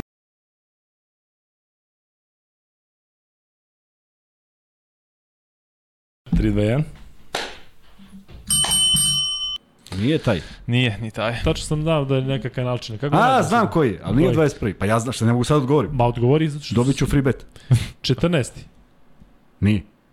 U uskrsnući. Pa je li jeste? Nije. 12. Ma Ne, nije, ne znam. 12. nismo ni imali 12. 31. Nije, nismo imali 21. 31. Pa 10. ne znam koji je. Pa znači ne znaju. 14. Pa znamo mi. Jel vidimo 14. prvo da mi. Pa ne znam, mislim da 14. jes. Ne, moram da vidim. 14.. Ajde, uđite na 14. da vidimo. Jovan Gvozdić, kuku lele. Vozić Jovane, ne odustaje. Daj 14. Joco, Ček. spava Joco, pusti drugi da... A mislim da nije 14. Pa ja mislim da nije Postavimo 14. pitanje na koje mi ne znamo odgovor. Pa mora da bude sad, poseban bilo neki razlog. 400, sad 220. Pa mora bude neki razlog, bre čoveče. Ma nije super razlog, samo da vidimo da znamo odgovor. Sad mi tražimo na netu. Pa moram ja da tražim. Pa ja ga znam, ako nije 14. Onda je... A što moram ja da ga znam? Niko nije pogodio. Pa kako da damo čoveku free bet? Kako da Ja, 20? jeste, 14. Jel 14? Jeste. Jovan Gvozdić je odgovorio, Marko Topalović je odgovorio. Momci, nemojte se zezati. Evo se pravi problem. Čekaj. Stefan Lisica je stavio 12, a Lala je rekao uskrš, u, u, u kršuće. U kršuće. Lale tu daj, u kršuće. Lalo, Lalo šalje, daj. Lalo. Lalo Lalo pošalje šalje u Kršuće. Luka i Kuzma, samo damo ovaj free bet. Četvrti, a ovu muku da, da skinemo sa... Ja, bože. Zašto niste želi da pričate o reprezentaciji kada je bio gost Darko Rajaković, čestitke na jubilarnom podcastu? Nije da nismo hteli, kako nismo hteli, pa pričali smo o njegovom tom periodu i pričali smo o onome, nije, nije bilo nikakvih e, loših namera, niti je Darko rekao, ne daj Bože, da nešto ne pričamo o tome, dakle... Ne, samo smo pričali, dotakli smo se onoga manje- čemu su dotakli, da. Tako je, pa da, on je, kako nije, on je pričao da hoće, da misli da je medalja, svaka medalja uspeh, da se Ne, ne, nismo pričali o nekim Jokić. stvarima koje sad, prvo, on ne treba priča o ovome sada, niti on pozvan da priča, niti je želeo da priča, priča o onom periodu, ali e, vratiti sad sve to šta se dešavalo je malo nezahvalno, tako da mislim da je sasvim dobro odgovorio na sve što je, što je bilo pitano. Uh, Kuzmi Luka, da li ste videli zaradu Euroligi preko 100 miliona evra, morali bi povećati zaradu svim klubovima? Ba da, tu su, financije su već tu problem, Kuzma. Pa Tako? tu je i najveći sukob jeste oko financija. Međutim, ovaj, ništa se ne rešava po tom pitanju i mi i dalje nemamo predsednika Euroligi i dalje se priča o Bodirogi. Danas sam ga video u gradu pa znam da nije tamo. Ali ajde daj Bože da se to reši zato što je to vrlo bitna funkcija. Ne može da to funkcioniše tek tako. Jesi ga zvao u podcast, nisi? Jesam, kako nisam. Pa de. Pa, će 50. posle tebe malo. E, Ne, mislim ne, da su... bio. Mislim da su bili u pravu da trebalo bude bio tu. tri free beta pa Teo, zar ne? Pa Kuzma s ovom košuljom je napravio potpuni haos. Kuzma, Ja šta ćemo znao. za... Šta, ajde, onda idemo u Teo, Ide pa pitanje za free te. bet. Ide pitanje za te. Jesi spreman? Spreman sam. Ne I samo mi reci, hoćemo, ipak je velika nagrada, hoćemo isto tako da brzo odgovori neko. Da to će brzo biti odgovori nešto. Gvozdić ili Topalović. Ne može, nema- daj nešto što ne mogu da odgovore brzo. Hoćeš ti da postaviš? Ne znam, ne znam šta ne mogu da odgovore brzo. Da, i da smislimo još malo, pa ćemo onda e, umeđu vremenu e, što podcast ne krene u 10 ili vam Tegelti je uzor. Nije Tegelti je uzor, nego jednostavno ima podcasta pre nas, radi kolege Vision Go koji su počeli mnogo, mnogo godina pre nas. Tako od da- 9 do 11, tako, tako da nikako ne možemo u 10. Da, ali m, napravit ćemo neke, neka pomeranja kada krene Euroliga, zato što nećemo moći četvrtak da držimo e, u 21, zato što će sigurno da igraju Partizan ili Zvezda u 21, tako da će, još ćeš ti raditi studio. E, tako da vidjet ćemo. Što podcast, ne, dobro, Neša Ilić za gosta, to smo već pričali, pa ćemo ga smo, vidjet da. ćemo. E, koliko može, dobro, i to smo pro... Uf, da dođe Miličić, bilo bi luđe nego kod Marića. E, da, Miličić je super tip ovako i šteta što nije imao tu neku karijeru i gde god ode uvek e, ima interesantna, interesantne odgovore i vidjet ćemo. Li tako Kuzma? Zvaćemo ga, što da nećemo. E, čuti Kuzma. Pitanje za Luku i Kuzmu, petorka naših igrača koja nikada nije igrala za reprezentaciju na velikim takmičenjima. Vladimir Kuzmanović. Koji nisu igrali na velikim Da. takmičenjima. Uš, tu sam sigurno kapitan. Ne znam, ne znam ko sve nije igrao na velikim takmičenjima, ali ima igrača. Nema mnogo, je, znaš, nema mnogo. Nema majke. Svi su nekako zakačili. Pa svi su nekako zakačili. Grušanović, uh, nema ih mnogo, verujem. Pavković nije igrao za reprezentaciju, nije. Miljan nije... Ni. Ne, ne, nema, nema. Ti koji su osvajali titule po, po, po zemlji, a da nisu igrali, nema. Nemaš, prosto u Partizanu su uvek igrači konkurisali za reprezentaciju. Uh, je li igrao Nebojša Ilić za reprezentaciju? Jeste u Bormiju. Je li tako? Da, Mhm. zaboravio sam. E, nećemo 1000 dinara, nego znamo i pratimo. Preskačite nas kad pređemo limit, kaže Marko Topalović. E, ali Teodosić dres hoćeš verovatno. Kaže da Vladan Lalić, evo mene opet sa ukršućem. Neka. Dobro. Trenere trošimo kao da ih beremo na drvetu i za reprezentaciju u klubovima. Da li je. treba da nasledi Teodosić? U reprezentaciji je bio lider i kad treba da vikne i digne ekipu. Pa dobro, ne E. odmah, pitanje je da li hoće da i bude trener, ali i on, Marković i taj tip, nekako mi se podrazumeva da će u nekom trenutku da bude trener. Daj Bože. E, pitanje za Vanju i Luku, gde biste volili da igra Durant, a da postoji mogućnost? Pa šta smo rekli, ovi veliki timovi, ja bih volio Lakers i e, Knicks i e, da podignete neke, mislim da podigne Lakers, ali e, Portland je meni interesantan zato što bih volio da vidim njega i Lillarda i tako. A Vanja? Dallas. Volio bih ga vidim u Dallasu. Da, sa Lukom. Ja bih volio da ga vidim u Denveru, pa ja bih dao... U New Orleansu isto volio da ga vidim. Ja bih po, počeo da dolazim na vreme na podcast kad bi on došao u, u Denver, tako da nema šta. Mišljenje o Mitru Bošnjakoviću, Kuzma. Ne znam ko je. Mm, Dobro. Mišljenje o Marku Simonoviću junioru. Ovom što je... Eto, otišao je, da, otišao je moj drug Miko Janković iz, iz Kolašina, je mnogo radio s njim, imao je par intervjua i dečko koji očigledno odlično poznaje košarku i lepo je ubrčen u sport i što je najvažnije, on se setio Mika i, i stalno ga spominje, znaš. I to je divno, ali, ali ne znam ko je očekivao više, ja nisam očekivao ništa, ja sam se nadao da će on imati dobru sezonu, međutim ne bih volao da mu prođu sezone bez toliko nekih bitnih uloga i minuta, a mogu i, i samo je to bojazan. E, meni se dopada iskreno kao igrač. i Dopa, ne, ne, samo, onako- samo, da li, samo da li to vreme koje troši tamo ga troši Jeste. u smislu nekom, a ne bez smisla. Jer ne vidim ni Gogu Bitadze, a bio je zaista u Megi neko ko je, od kojeg je sve zavisilo, pa u budućnosti ništa, pa još manje u NBA. Dobro. Ne bi volao da gube vreme jer ga gube. E, koje I- godište Simonović? Ne znam, ne pitaj me to, ne znam Da, koje godište. da je nešto 9-8, 9-9, da se nadamo da ne grešim. E, da li mislite da Radonjić nije želeo Papa Petru u ekipi ili nešto drugo?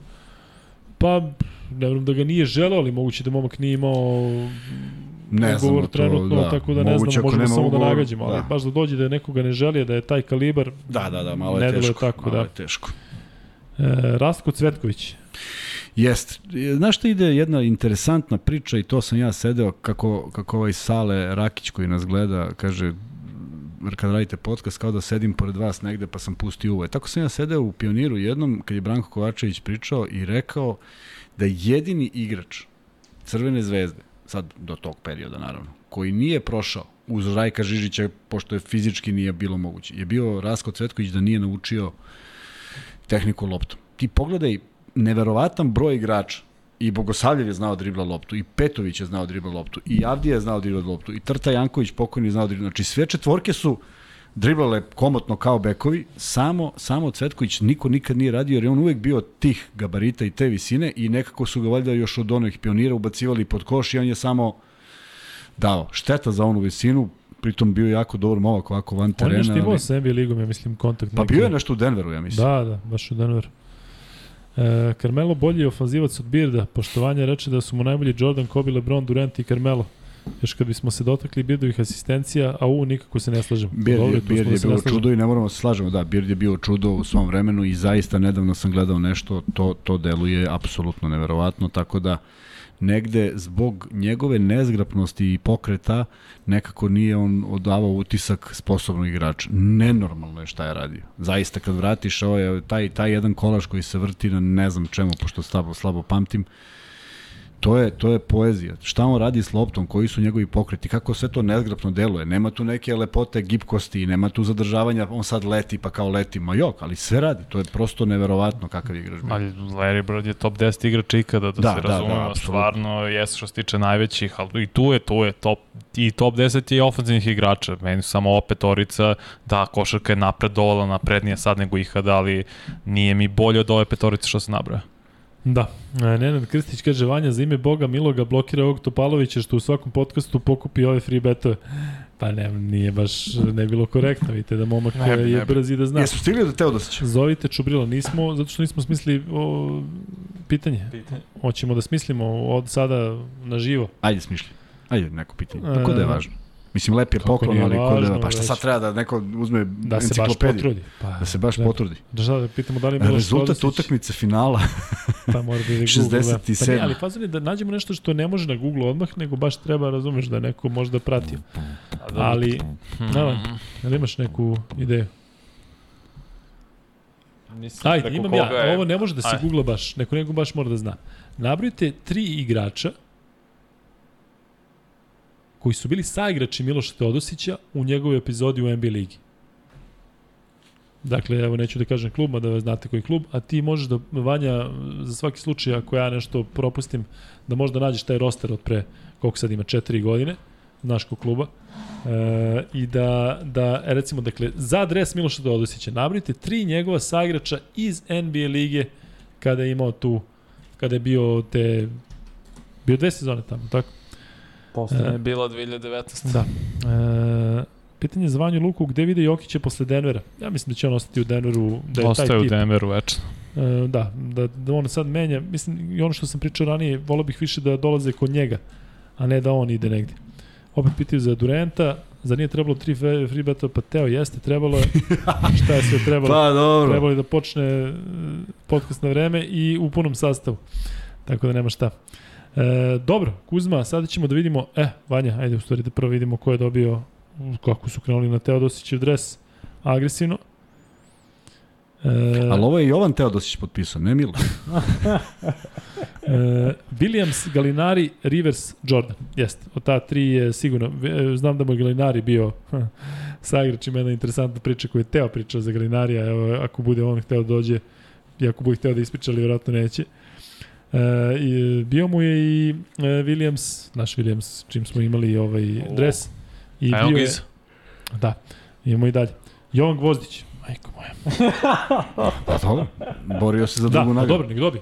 Pa naravno. Jovane, dobio si dres. Uh, mislim da je red da se upoznamo, pa da popričamo lepo kod smeš ljudi. da uzmeš. Redi, da. Tako da, uh, dobro. E, mislim da znam ko će dobiti majicu. Da, e, Jovane, ajde sad, pa ne moramo baš da, da imaš ono i, i, i dnevnu i večernju varijantu. E, tako da, e, dobro, drugari, ove majice koje ste videli ćete moći da kupite na Infinity Lighthouse shopu. Mi do kraja od nagrade imamo još jednu majicu i jedan free battle, tako? Tako je. Hoće da isput, ispucam odmah to, pa da se onda... Da se rastavimo ko ljudi. Ne, nego da se lepo opustimo uz neka pitanja, uz neke Ajde, pićence. ispuci. ispuci. Dakle, za free pićence, bet, ti pićence. čovjek ljut na mene što ne pijem kao on. Pazi, ne pijem ja, ali ne kao on. Tako? e, ele, pitanje za free bet, e, sad smo koristili NBA ligu, pa možda i ne moramo NBA ligu. Ćeš ti Vanja da postaviš neko, a? Pa ja mogu samo za NBA. Imam jedno odlično pitanje. Ajde, ajde, je odlično. Pa ovo je Ali bilo mi ćemo da ocenimo da li je odlično. Ajde. Koji je jedini igrač u istoriji NBA, pored Hakima Olajuwona, bio draftovan kao pik broj 1 iz Nigerije? Pa dobro, to je ono, lockout, jel? A? Lockout. Nemoj sad da otkrivaš. Nikako. To je... Nemoj da otkrivaš ništa. Koji je Nigerijac Neka bio ostanemo, draftovan neka ostanemo ovde. na Što je s komarcima? valjda? Neka Ne ostanemo još 3 sata. Ne znam. Uje. Ovaj, U, ako možeš ubih. Jel sam lepo rekao, koji je Nigerijac osim Olajuwona bio draftovan kao prvi pik na draftu? Tako je. Daj, daj nek uzmu kadar. Se čulo ovo na mikro? Čulo se. A? da. Ko je to promašaj bio? je? Jeste, baš. Da. Jest. Ja i ne znam o kome pričate, ali bio je promašen 100%. Jovan Gvozdić, kamerman, zna odgovore pre pitanja. Mislim da je Jovan Gvozdić neko ovaj, naš, ne čovjek, čovjek gde samo zna. E, Embiid, Embiid, Darko Miličić, pa nije baš Nigerijac. E, Olovo Kendi. Ajde. Mislim Olovo Kandi, ali Olovo Kendi. Stanko Kendi. Škugor. Stanko Škugor? Dobio si free bet. Znaš ko je Stanko Škugor? Ne. Pa onaj stariji, verovatno. Ne verujem da je Stanko Škugor. Sećaš se onaj mo- moj što je vodio ona čuda od emisija 90-ih? Mm, Stanko, ne vjerujem da si ti. Ne znam Franko Škugor, ali ajde napiši nam da li si ti taj što misli... Ne, ovaj, interesantno ime. Ne, nije on 100%. Ne verujem da gleda ovu emisiju. Da, Olovo Kandi, Michael Olovo Kandi je tačan odgovor i pobedili smo pet free betova, dakle prvi put smo imali E, toliko. sad da. pet i ko zna kada. I dakle imat ćemo još majicu, ali Jovane, molim te. Znači, Molim te, ne javljaj se. Ali ako se javiš, preskočit ćemo te. Dakle, dobio si Teo, dobio si free bet, imaš da se kockač, obukao si se, pusti da majicu osvoji neko. Što, to što si haker, to Da. na drugu stranu. Kuzmo, do kog podcasta ćemo mi gurati? Do 2050. može? Obeće Jovan da ne odgovara. Obeće. Da. Hvala ti, one. Šta Kuzma tu ima neku posebnu komunikaciju sumnjivu sa svima vama. Ja, Via ovamo, Instagram. ono, a? Ali Instagram, nisi. Jovan Gvozdić, also known as A, Ksenija. Hoćemo da guramo do 2050. podcasta. Može dogovor. Da doživimo toliko. Da, da, pa Znači, to sam, to sam jeli isplanirao. povrće, znači sve, ja Sve. isto, ja sutra, znači kad ištem, odmah šaljem skre- slekove i to. Zato bi mogli ranije da legnete u krevet, a ne u... Vanja, stvarno, hoće Vanja peške ide kući? Hoće, ja? hoće. znači, nevjerojatno, viš. E, sad ćemo, Vanja, ne brini. E, ovaj mi se odgovor sviđa. Abu Džaba da bi laka.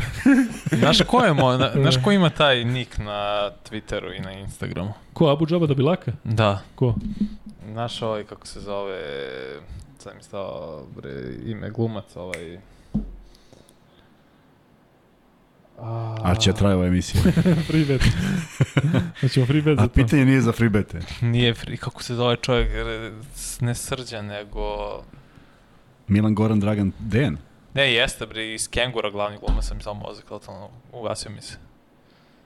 Braca, Trifunović. je Sergej, da. Da, tako? Pa da, on je upisan tako.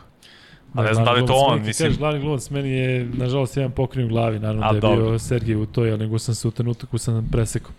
E, ajde da vas pitamo, mi sad imamo pitanje za vas koje nije za free bet ili sve, da li biste volili da vidite i neke ljude koji nisu direktno iz košarke, a povezani su sa košarkom, da malo pričamo više o košaci i o svemu i svačemu, dakle neki ljudi iz um,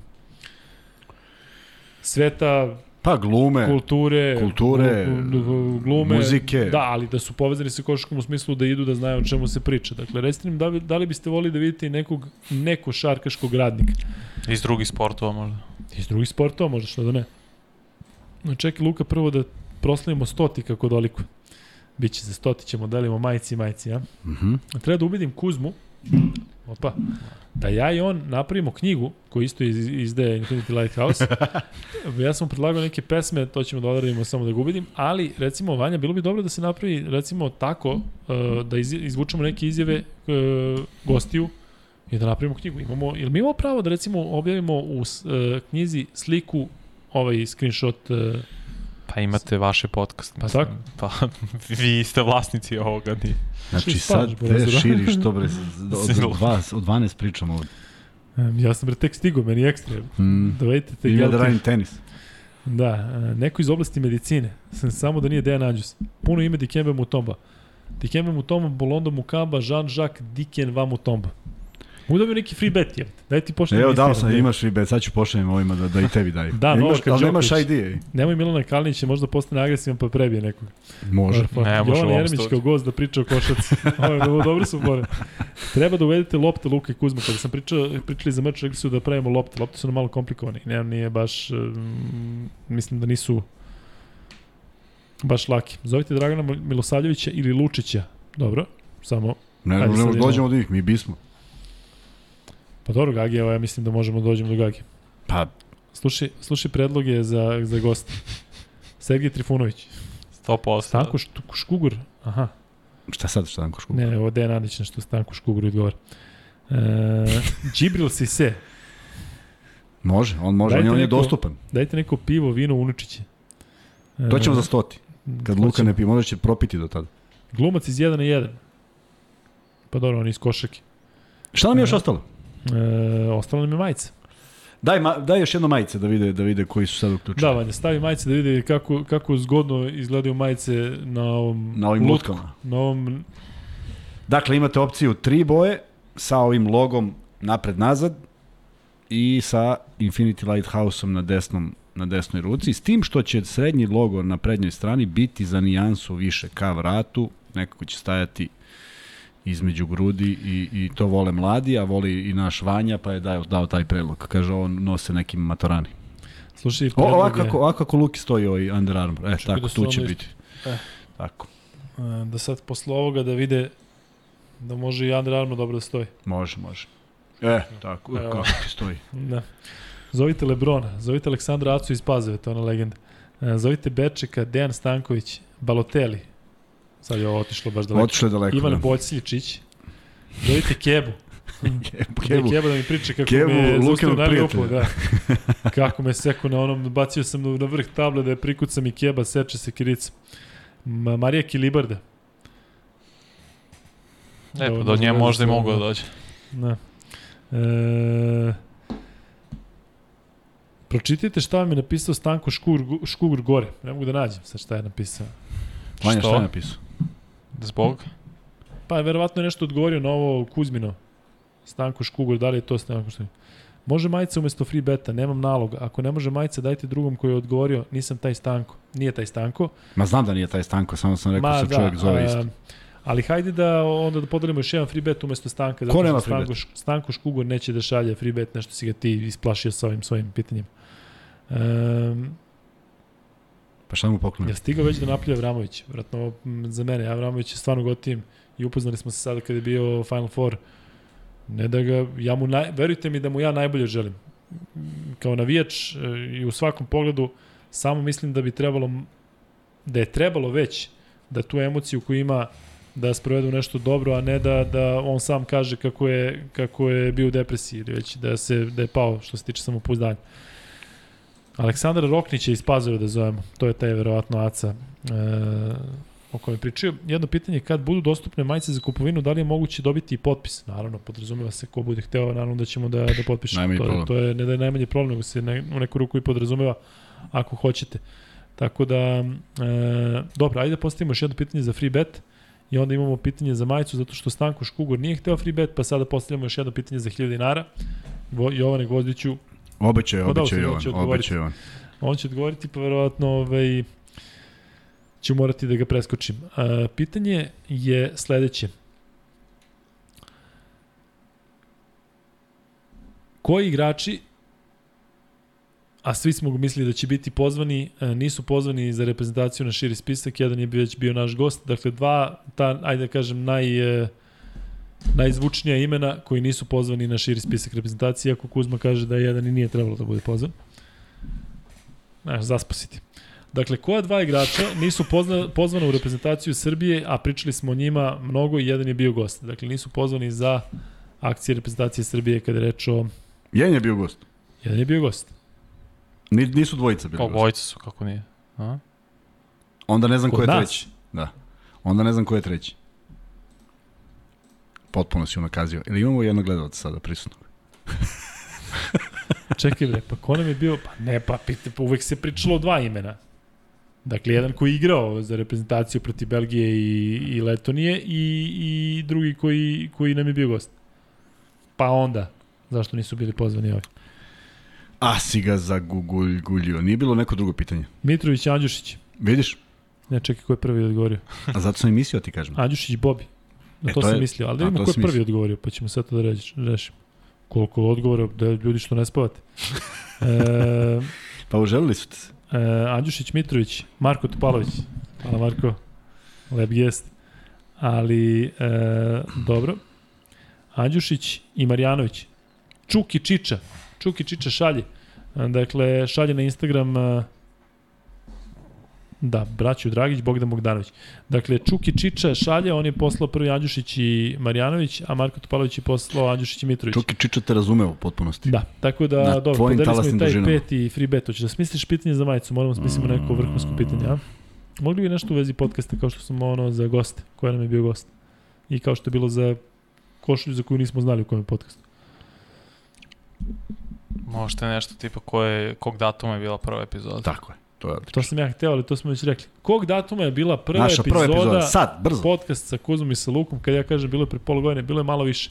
Ali ko prvi odgovori?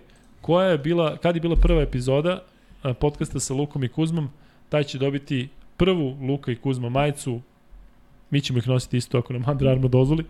E, čuo sam u kuloarima, kuloarima da se Rada Šerbeđija raspituje kako da dođe do Luke i Kuzme, hteo bi da gostuje. Odlično. Šali se vjerojatno Ivica Milošević. Odakle ti to da se šali Ivica Milošević? Pa šta se raspituje po, po kuloarima je. Otkud ti da se šali Ali dobro, for. E, Eto, odgovorili Luka su. svaka čast na energičnosti, Kuzma popi li- litru ultra da te digne, Vanja radi 25 sati, a ima ga svuda. Pusti Kuzma, Kuzma je danas Rođak, bio, je rođak neki Kuzma priznat? je danas bio u uh, ulozi za koju nije verovao da će ikada biti. Pričanje sam sa sobom u kameru i ponekad da uleti vanje.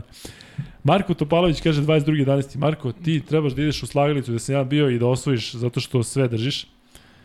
Jelena Podraščanin, Luka, pardon. Pitala je kako je prošlo u slagalici pa je povukla pitanje.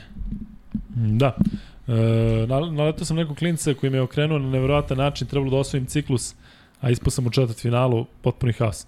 Vladimir Milenković kaže 22. Ja sam dobro vidio vanje. Jeste, Vladimir. Vladimir Milenković e, je odgovorio da pitanje dobit ćeš majicu. Vladimire, javio nam se na Instagram Luka i Kuzma, pa ćemo onda se dogovorimo e, koja boja, koja veličina, da li ti šaljemo, da li dolaziš, e, kakav je plan. E, Luka nisi završio pitanje, preko 30 odgovora je stiglo. Da.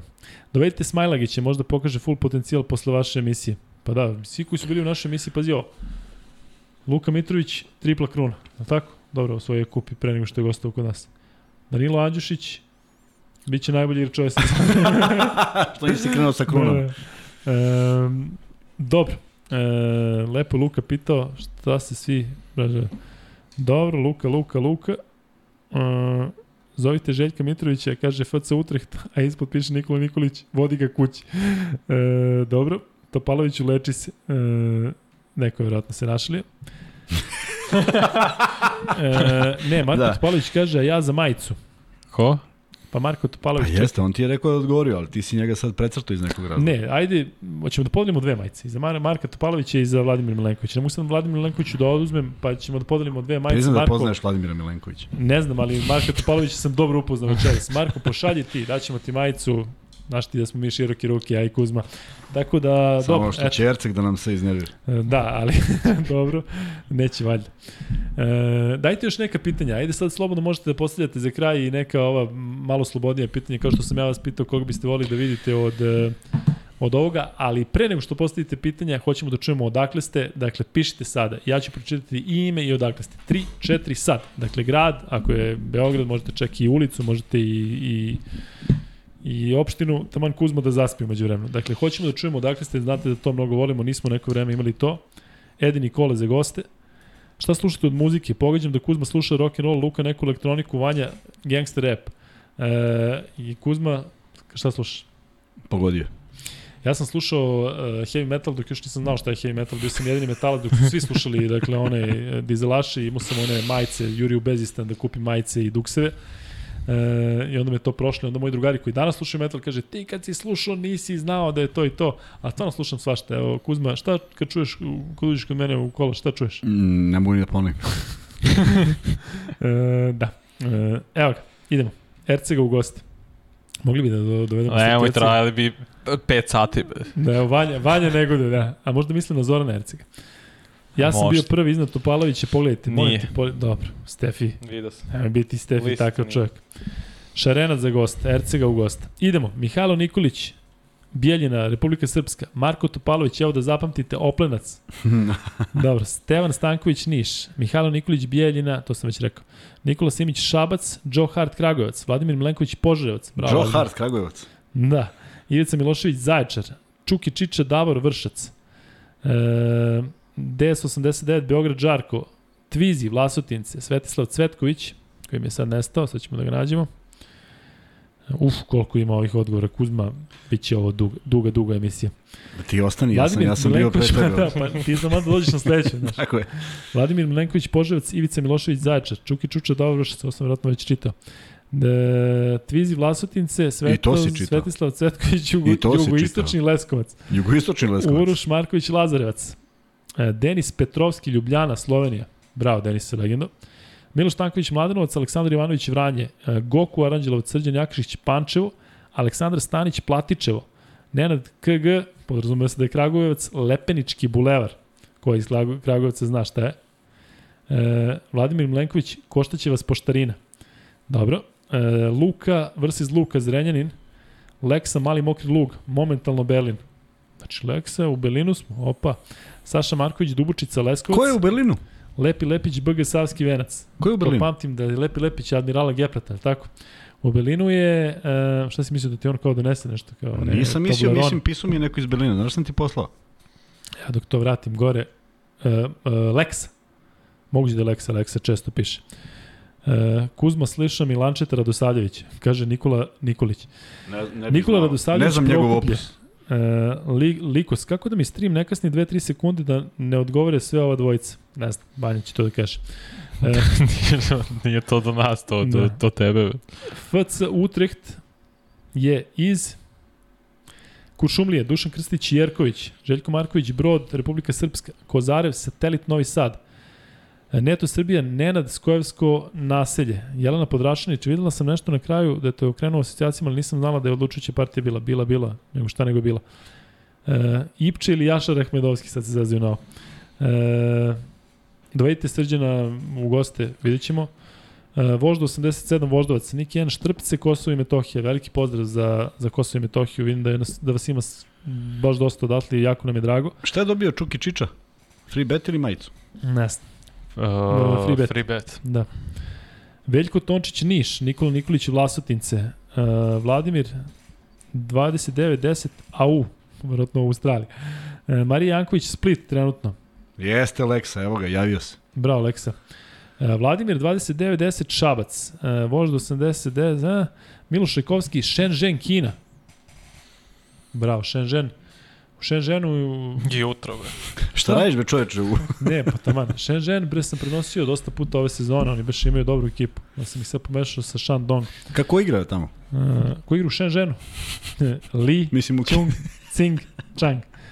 Znaš kad sam radio ko, kinesku košaku? Li, ne, Hu, Vu, Ju, Lu, Mu. I, i sve Isuse nešto. Hriste. Da. Ma idi, i što je najgore, kaže moj drugar, brate, možeš pričati šta hoćeš, niko ni onako ne zna. Pričaš, dodaš. Jok ne što zna.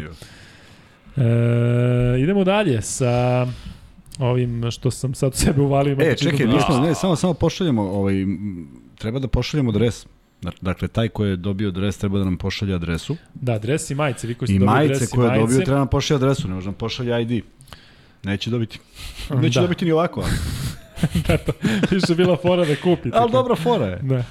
Likos, Zemun, Galenika, Joe Hart, šta Kuzmi nije jasno, šta ti nije jasno da je Joe Hart? Ništa se mi jasno. Joe Hart je logično da je Kragujevca. se Joe Hart, da.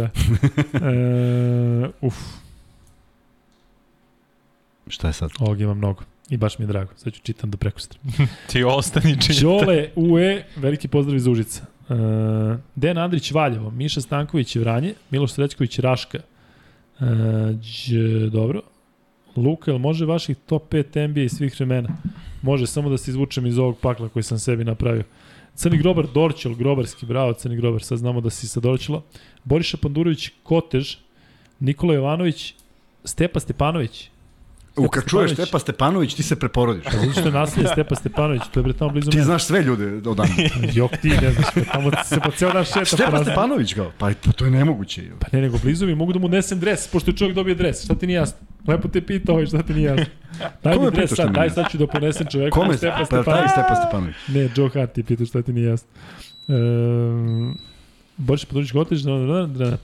Marko Filipović kaže za goste Viktor Savić, Sergij Trifunović, Milan Nevene Bebe, Marin Sedlaček. Marko, ti si baš razmislio svaka Može, čast. Milan, Milan često, Milan je navijač Partizana.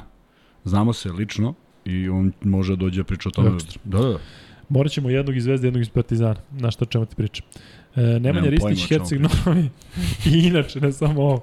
Dejan Pa Dejanović, nekad uopšte ne razumijem o čemu pričaš. Petar Ivanović, Poževac, Stanko Škugur, Valjevo. Ivica Sad mi Milošević. kao stavljaš do znanja da nije onaj. Slušaj jel Ivicu, Ivicu Milošević. Mama vidi me na YouTube-u sam spomenut, uspeo sam u životu. Next step, popiti kafu sa Vanjom Lukom i Kuzmom. Ja ne pijem kafu, ali može neka ultra. Evo, ne pije kafu pio. čovjek. Ne, Ne pijem pio ni do ja. juče. Ne piješ ni ti? Ne pijem kafu. S ne kim volim. ja radim? Pa što, kako nemaš kao tu ni jednom kafu u kurse? Znaš Vladanko Stojaković kada je radio prenose pa se Ne čuje. čujem te ništa. Marko Filipović, Novi Beograd. E, ne čite više molite, kaže Mile Ignjatović. Bravo, Mile. Milan- Mile majica. Mile ide majica. Bili dve. Milan Stević Paraćin. E, Miloš Šekovski kaže Luka i Kuzma uz doručak. To je car iz Šenžena. Majstor. Stvarno da, tamo je doručak. Da, da. Zovite Bilapsa u goste. Imamo bi dosta toga da priča. S Prajksom smo se o, o, o, Ljudi, stvarno, Opekli. e, a- a- ovo sa Priceom je bilo, dakle, imamo poruke, sticam okolnosti sam dobio njegov broj telefona kad sam ga upoznao i pustio sam. I čovek je rekao, nema problema, samo da prođu praznici božićni. toliko smo se bili ponadali da će to stvarno da se desi. Možda Poslao mislio sam- na sledeći Božić. Možda.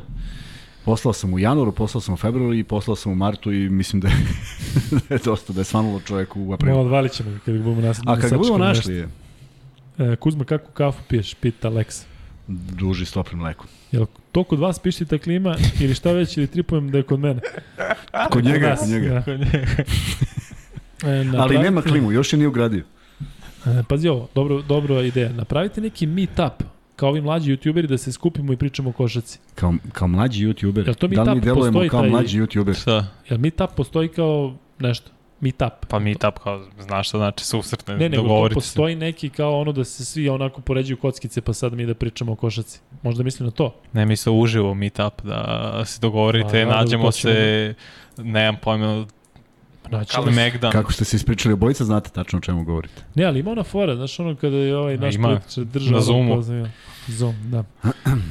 Da li je Vanja gledao draft za sledeću sezonu? Nikola Đurišić su stavili na 27. mesto prve runde. Kako mu je karijera predviđa u NBA-u? Znaš, Mm, e, znam Đurišić? koje, ali nisam gledao za sledeću sezonu, iskreno draft tek to gledam od januara.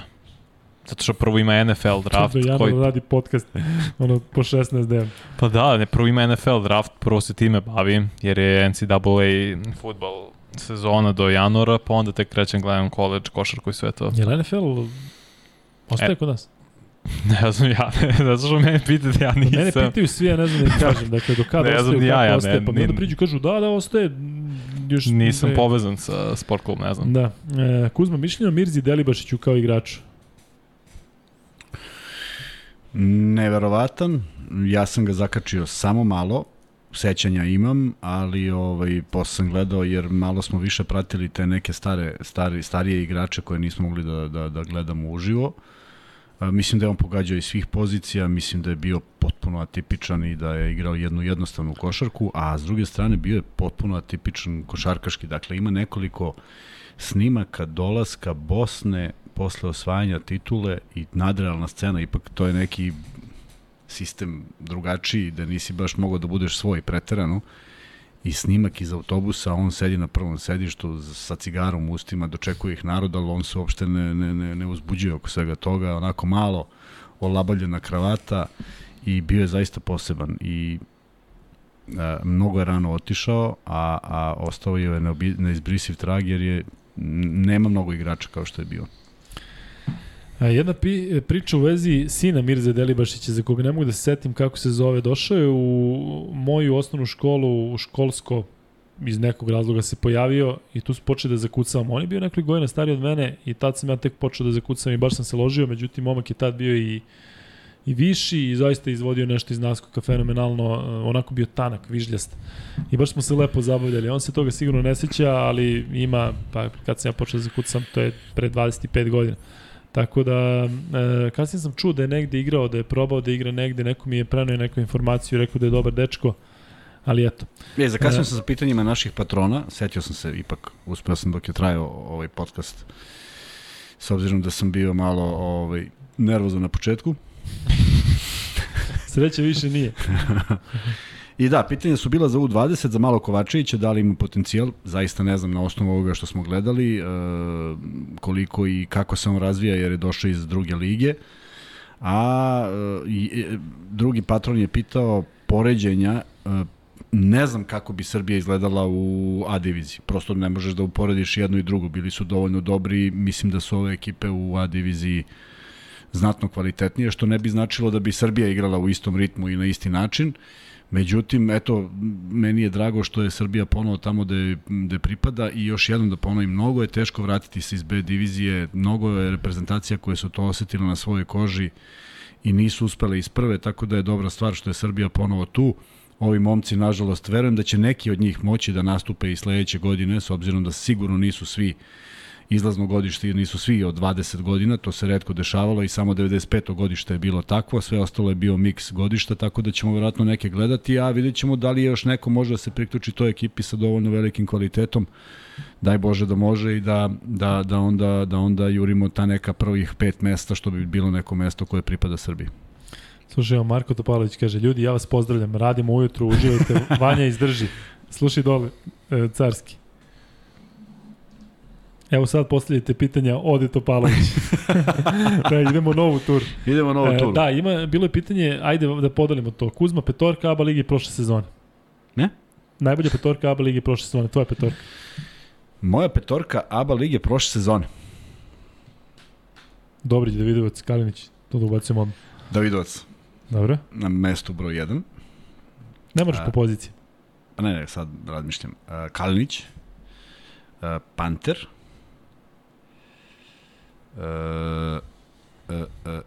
Šta još Mihajlovića što smo ga pomili dao 47 iz Monara?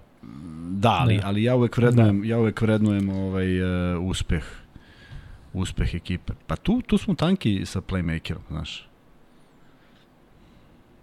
Pa dobro, ABA lige.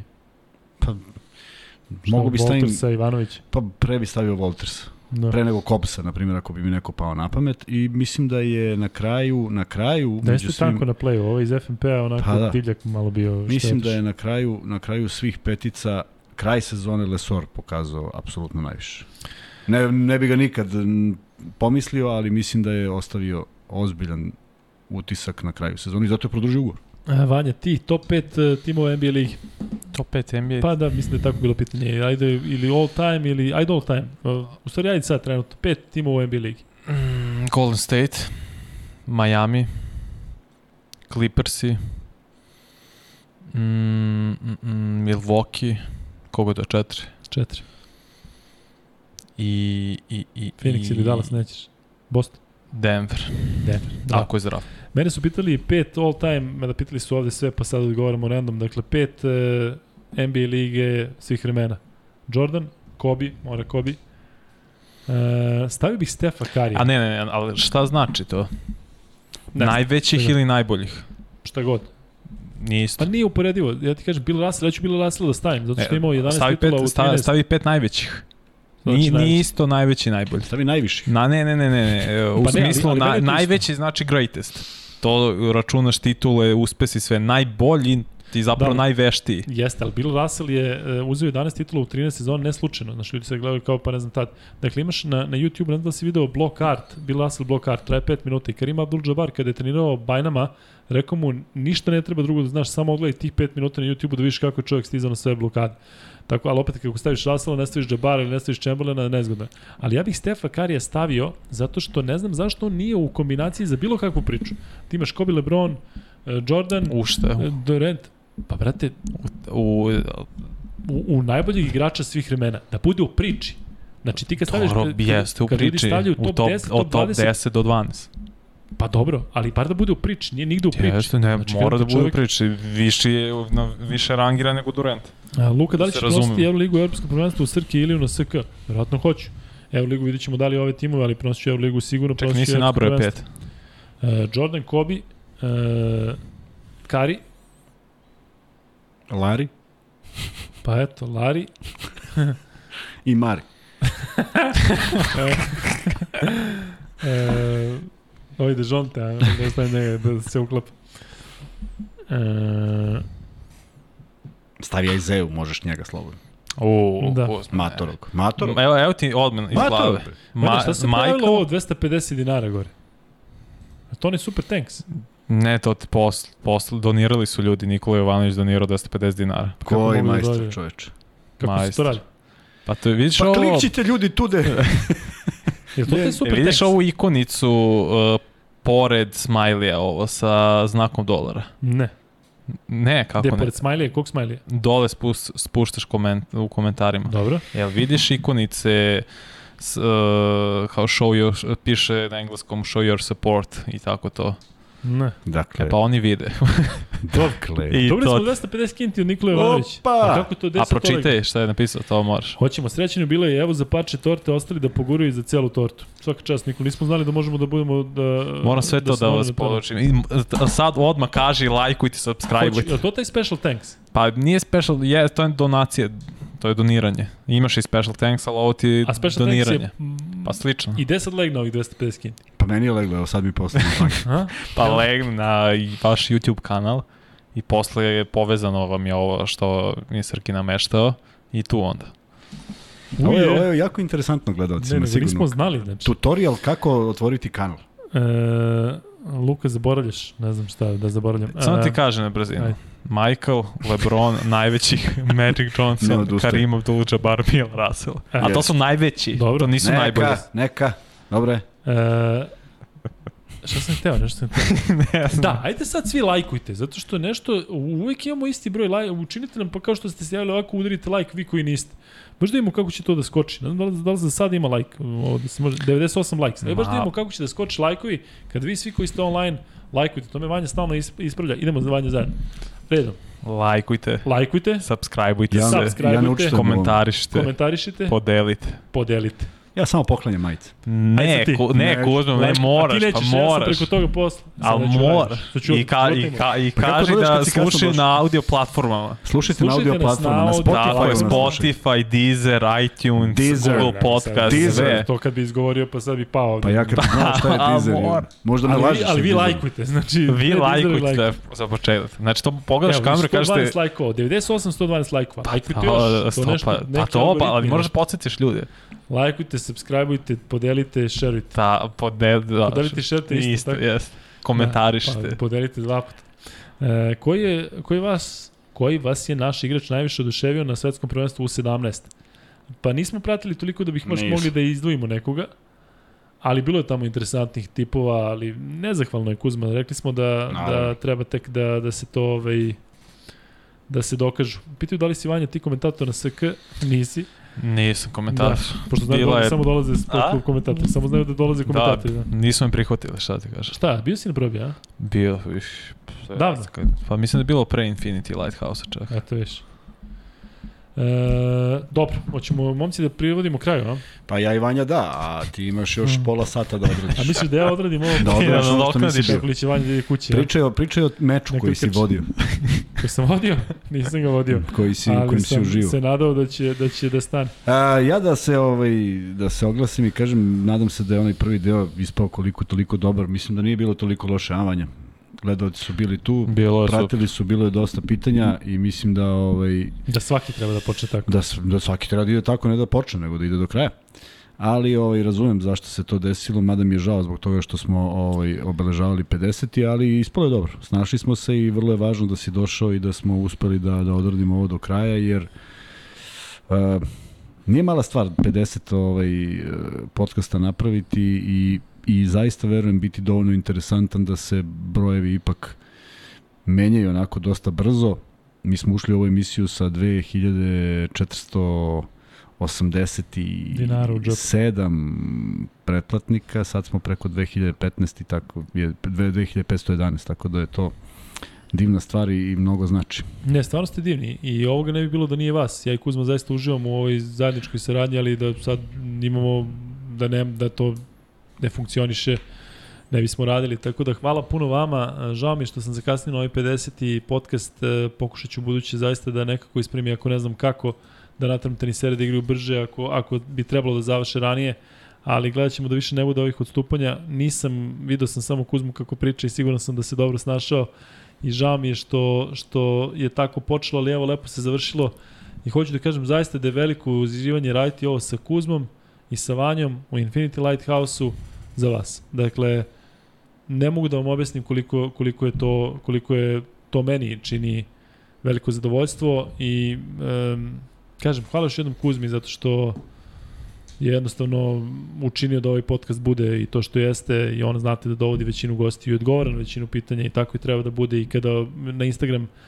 kada na Instagram šaljete i on vam odgovori, ja znam recimo da ja gledam podcast sa Žikom i Kuzmom, da bi mi bilo draže recimo da Kuzma odgovori, iako većinu pitanja e, postavljate onako za obojcu, ali e, zaista je, zaista je veliko zadovoljstvo i mislim da ćemo trajati, e, mislim da ćemo se još razvijati, imamo sada dve jako lepe e, situacije da ćemo igrati na evropskom prvenstvu i da ćemo posle toga imati Euroligu i sa Zvezdom i sa Partizanom. I kažem, mislim da ovo može samo da raste i da će biti sve bolje i bolje. Uvek nam šaljite sugestije, šaljite nam komentare, šaljite nam šta mislite da bi moglo da da učini ovaj podcast još boljim, ali kažem veliko, veliko uživanje i hvala vam svima zbog toga, zato što sam ja mislio da pored komentarisanja nikada neću moći da nađem nešto što me toliko ispunjava.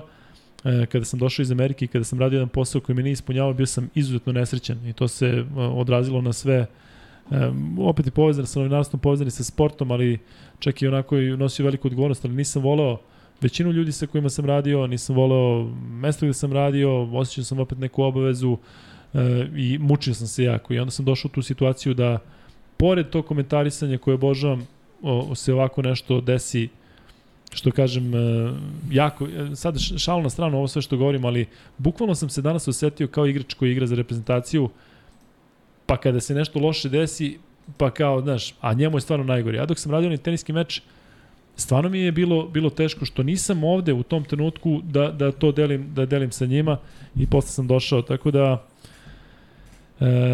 evo Marko Filipović kaže Luka vrhunski handluješ kao frontman podcasta Kuzma Lagan kao i uvek pozdrav veliki za vanju e, jedno od tih komentara i kažem hvala, hvala puno svima. Hvala puno, ali jednu stvar moram da dodam. Šansa da uđeš u momentu kada je Radmanović i majica u kojoj se ti sada ovaj, obučen je zaista mala. Skoro kao kad je Radman ušao u ovaj studio.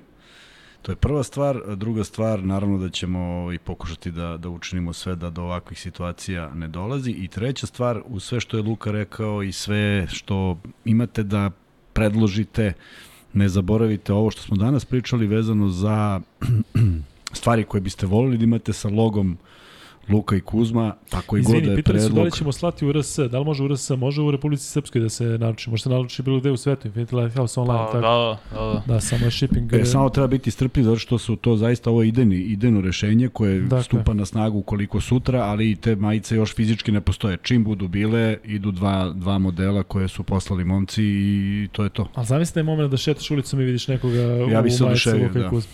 Da uzmeš da ga zagrliš, skineš majicu i kažeš Boraziru, ovo je ipak naše. dakle, nemoj.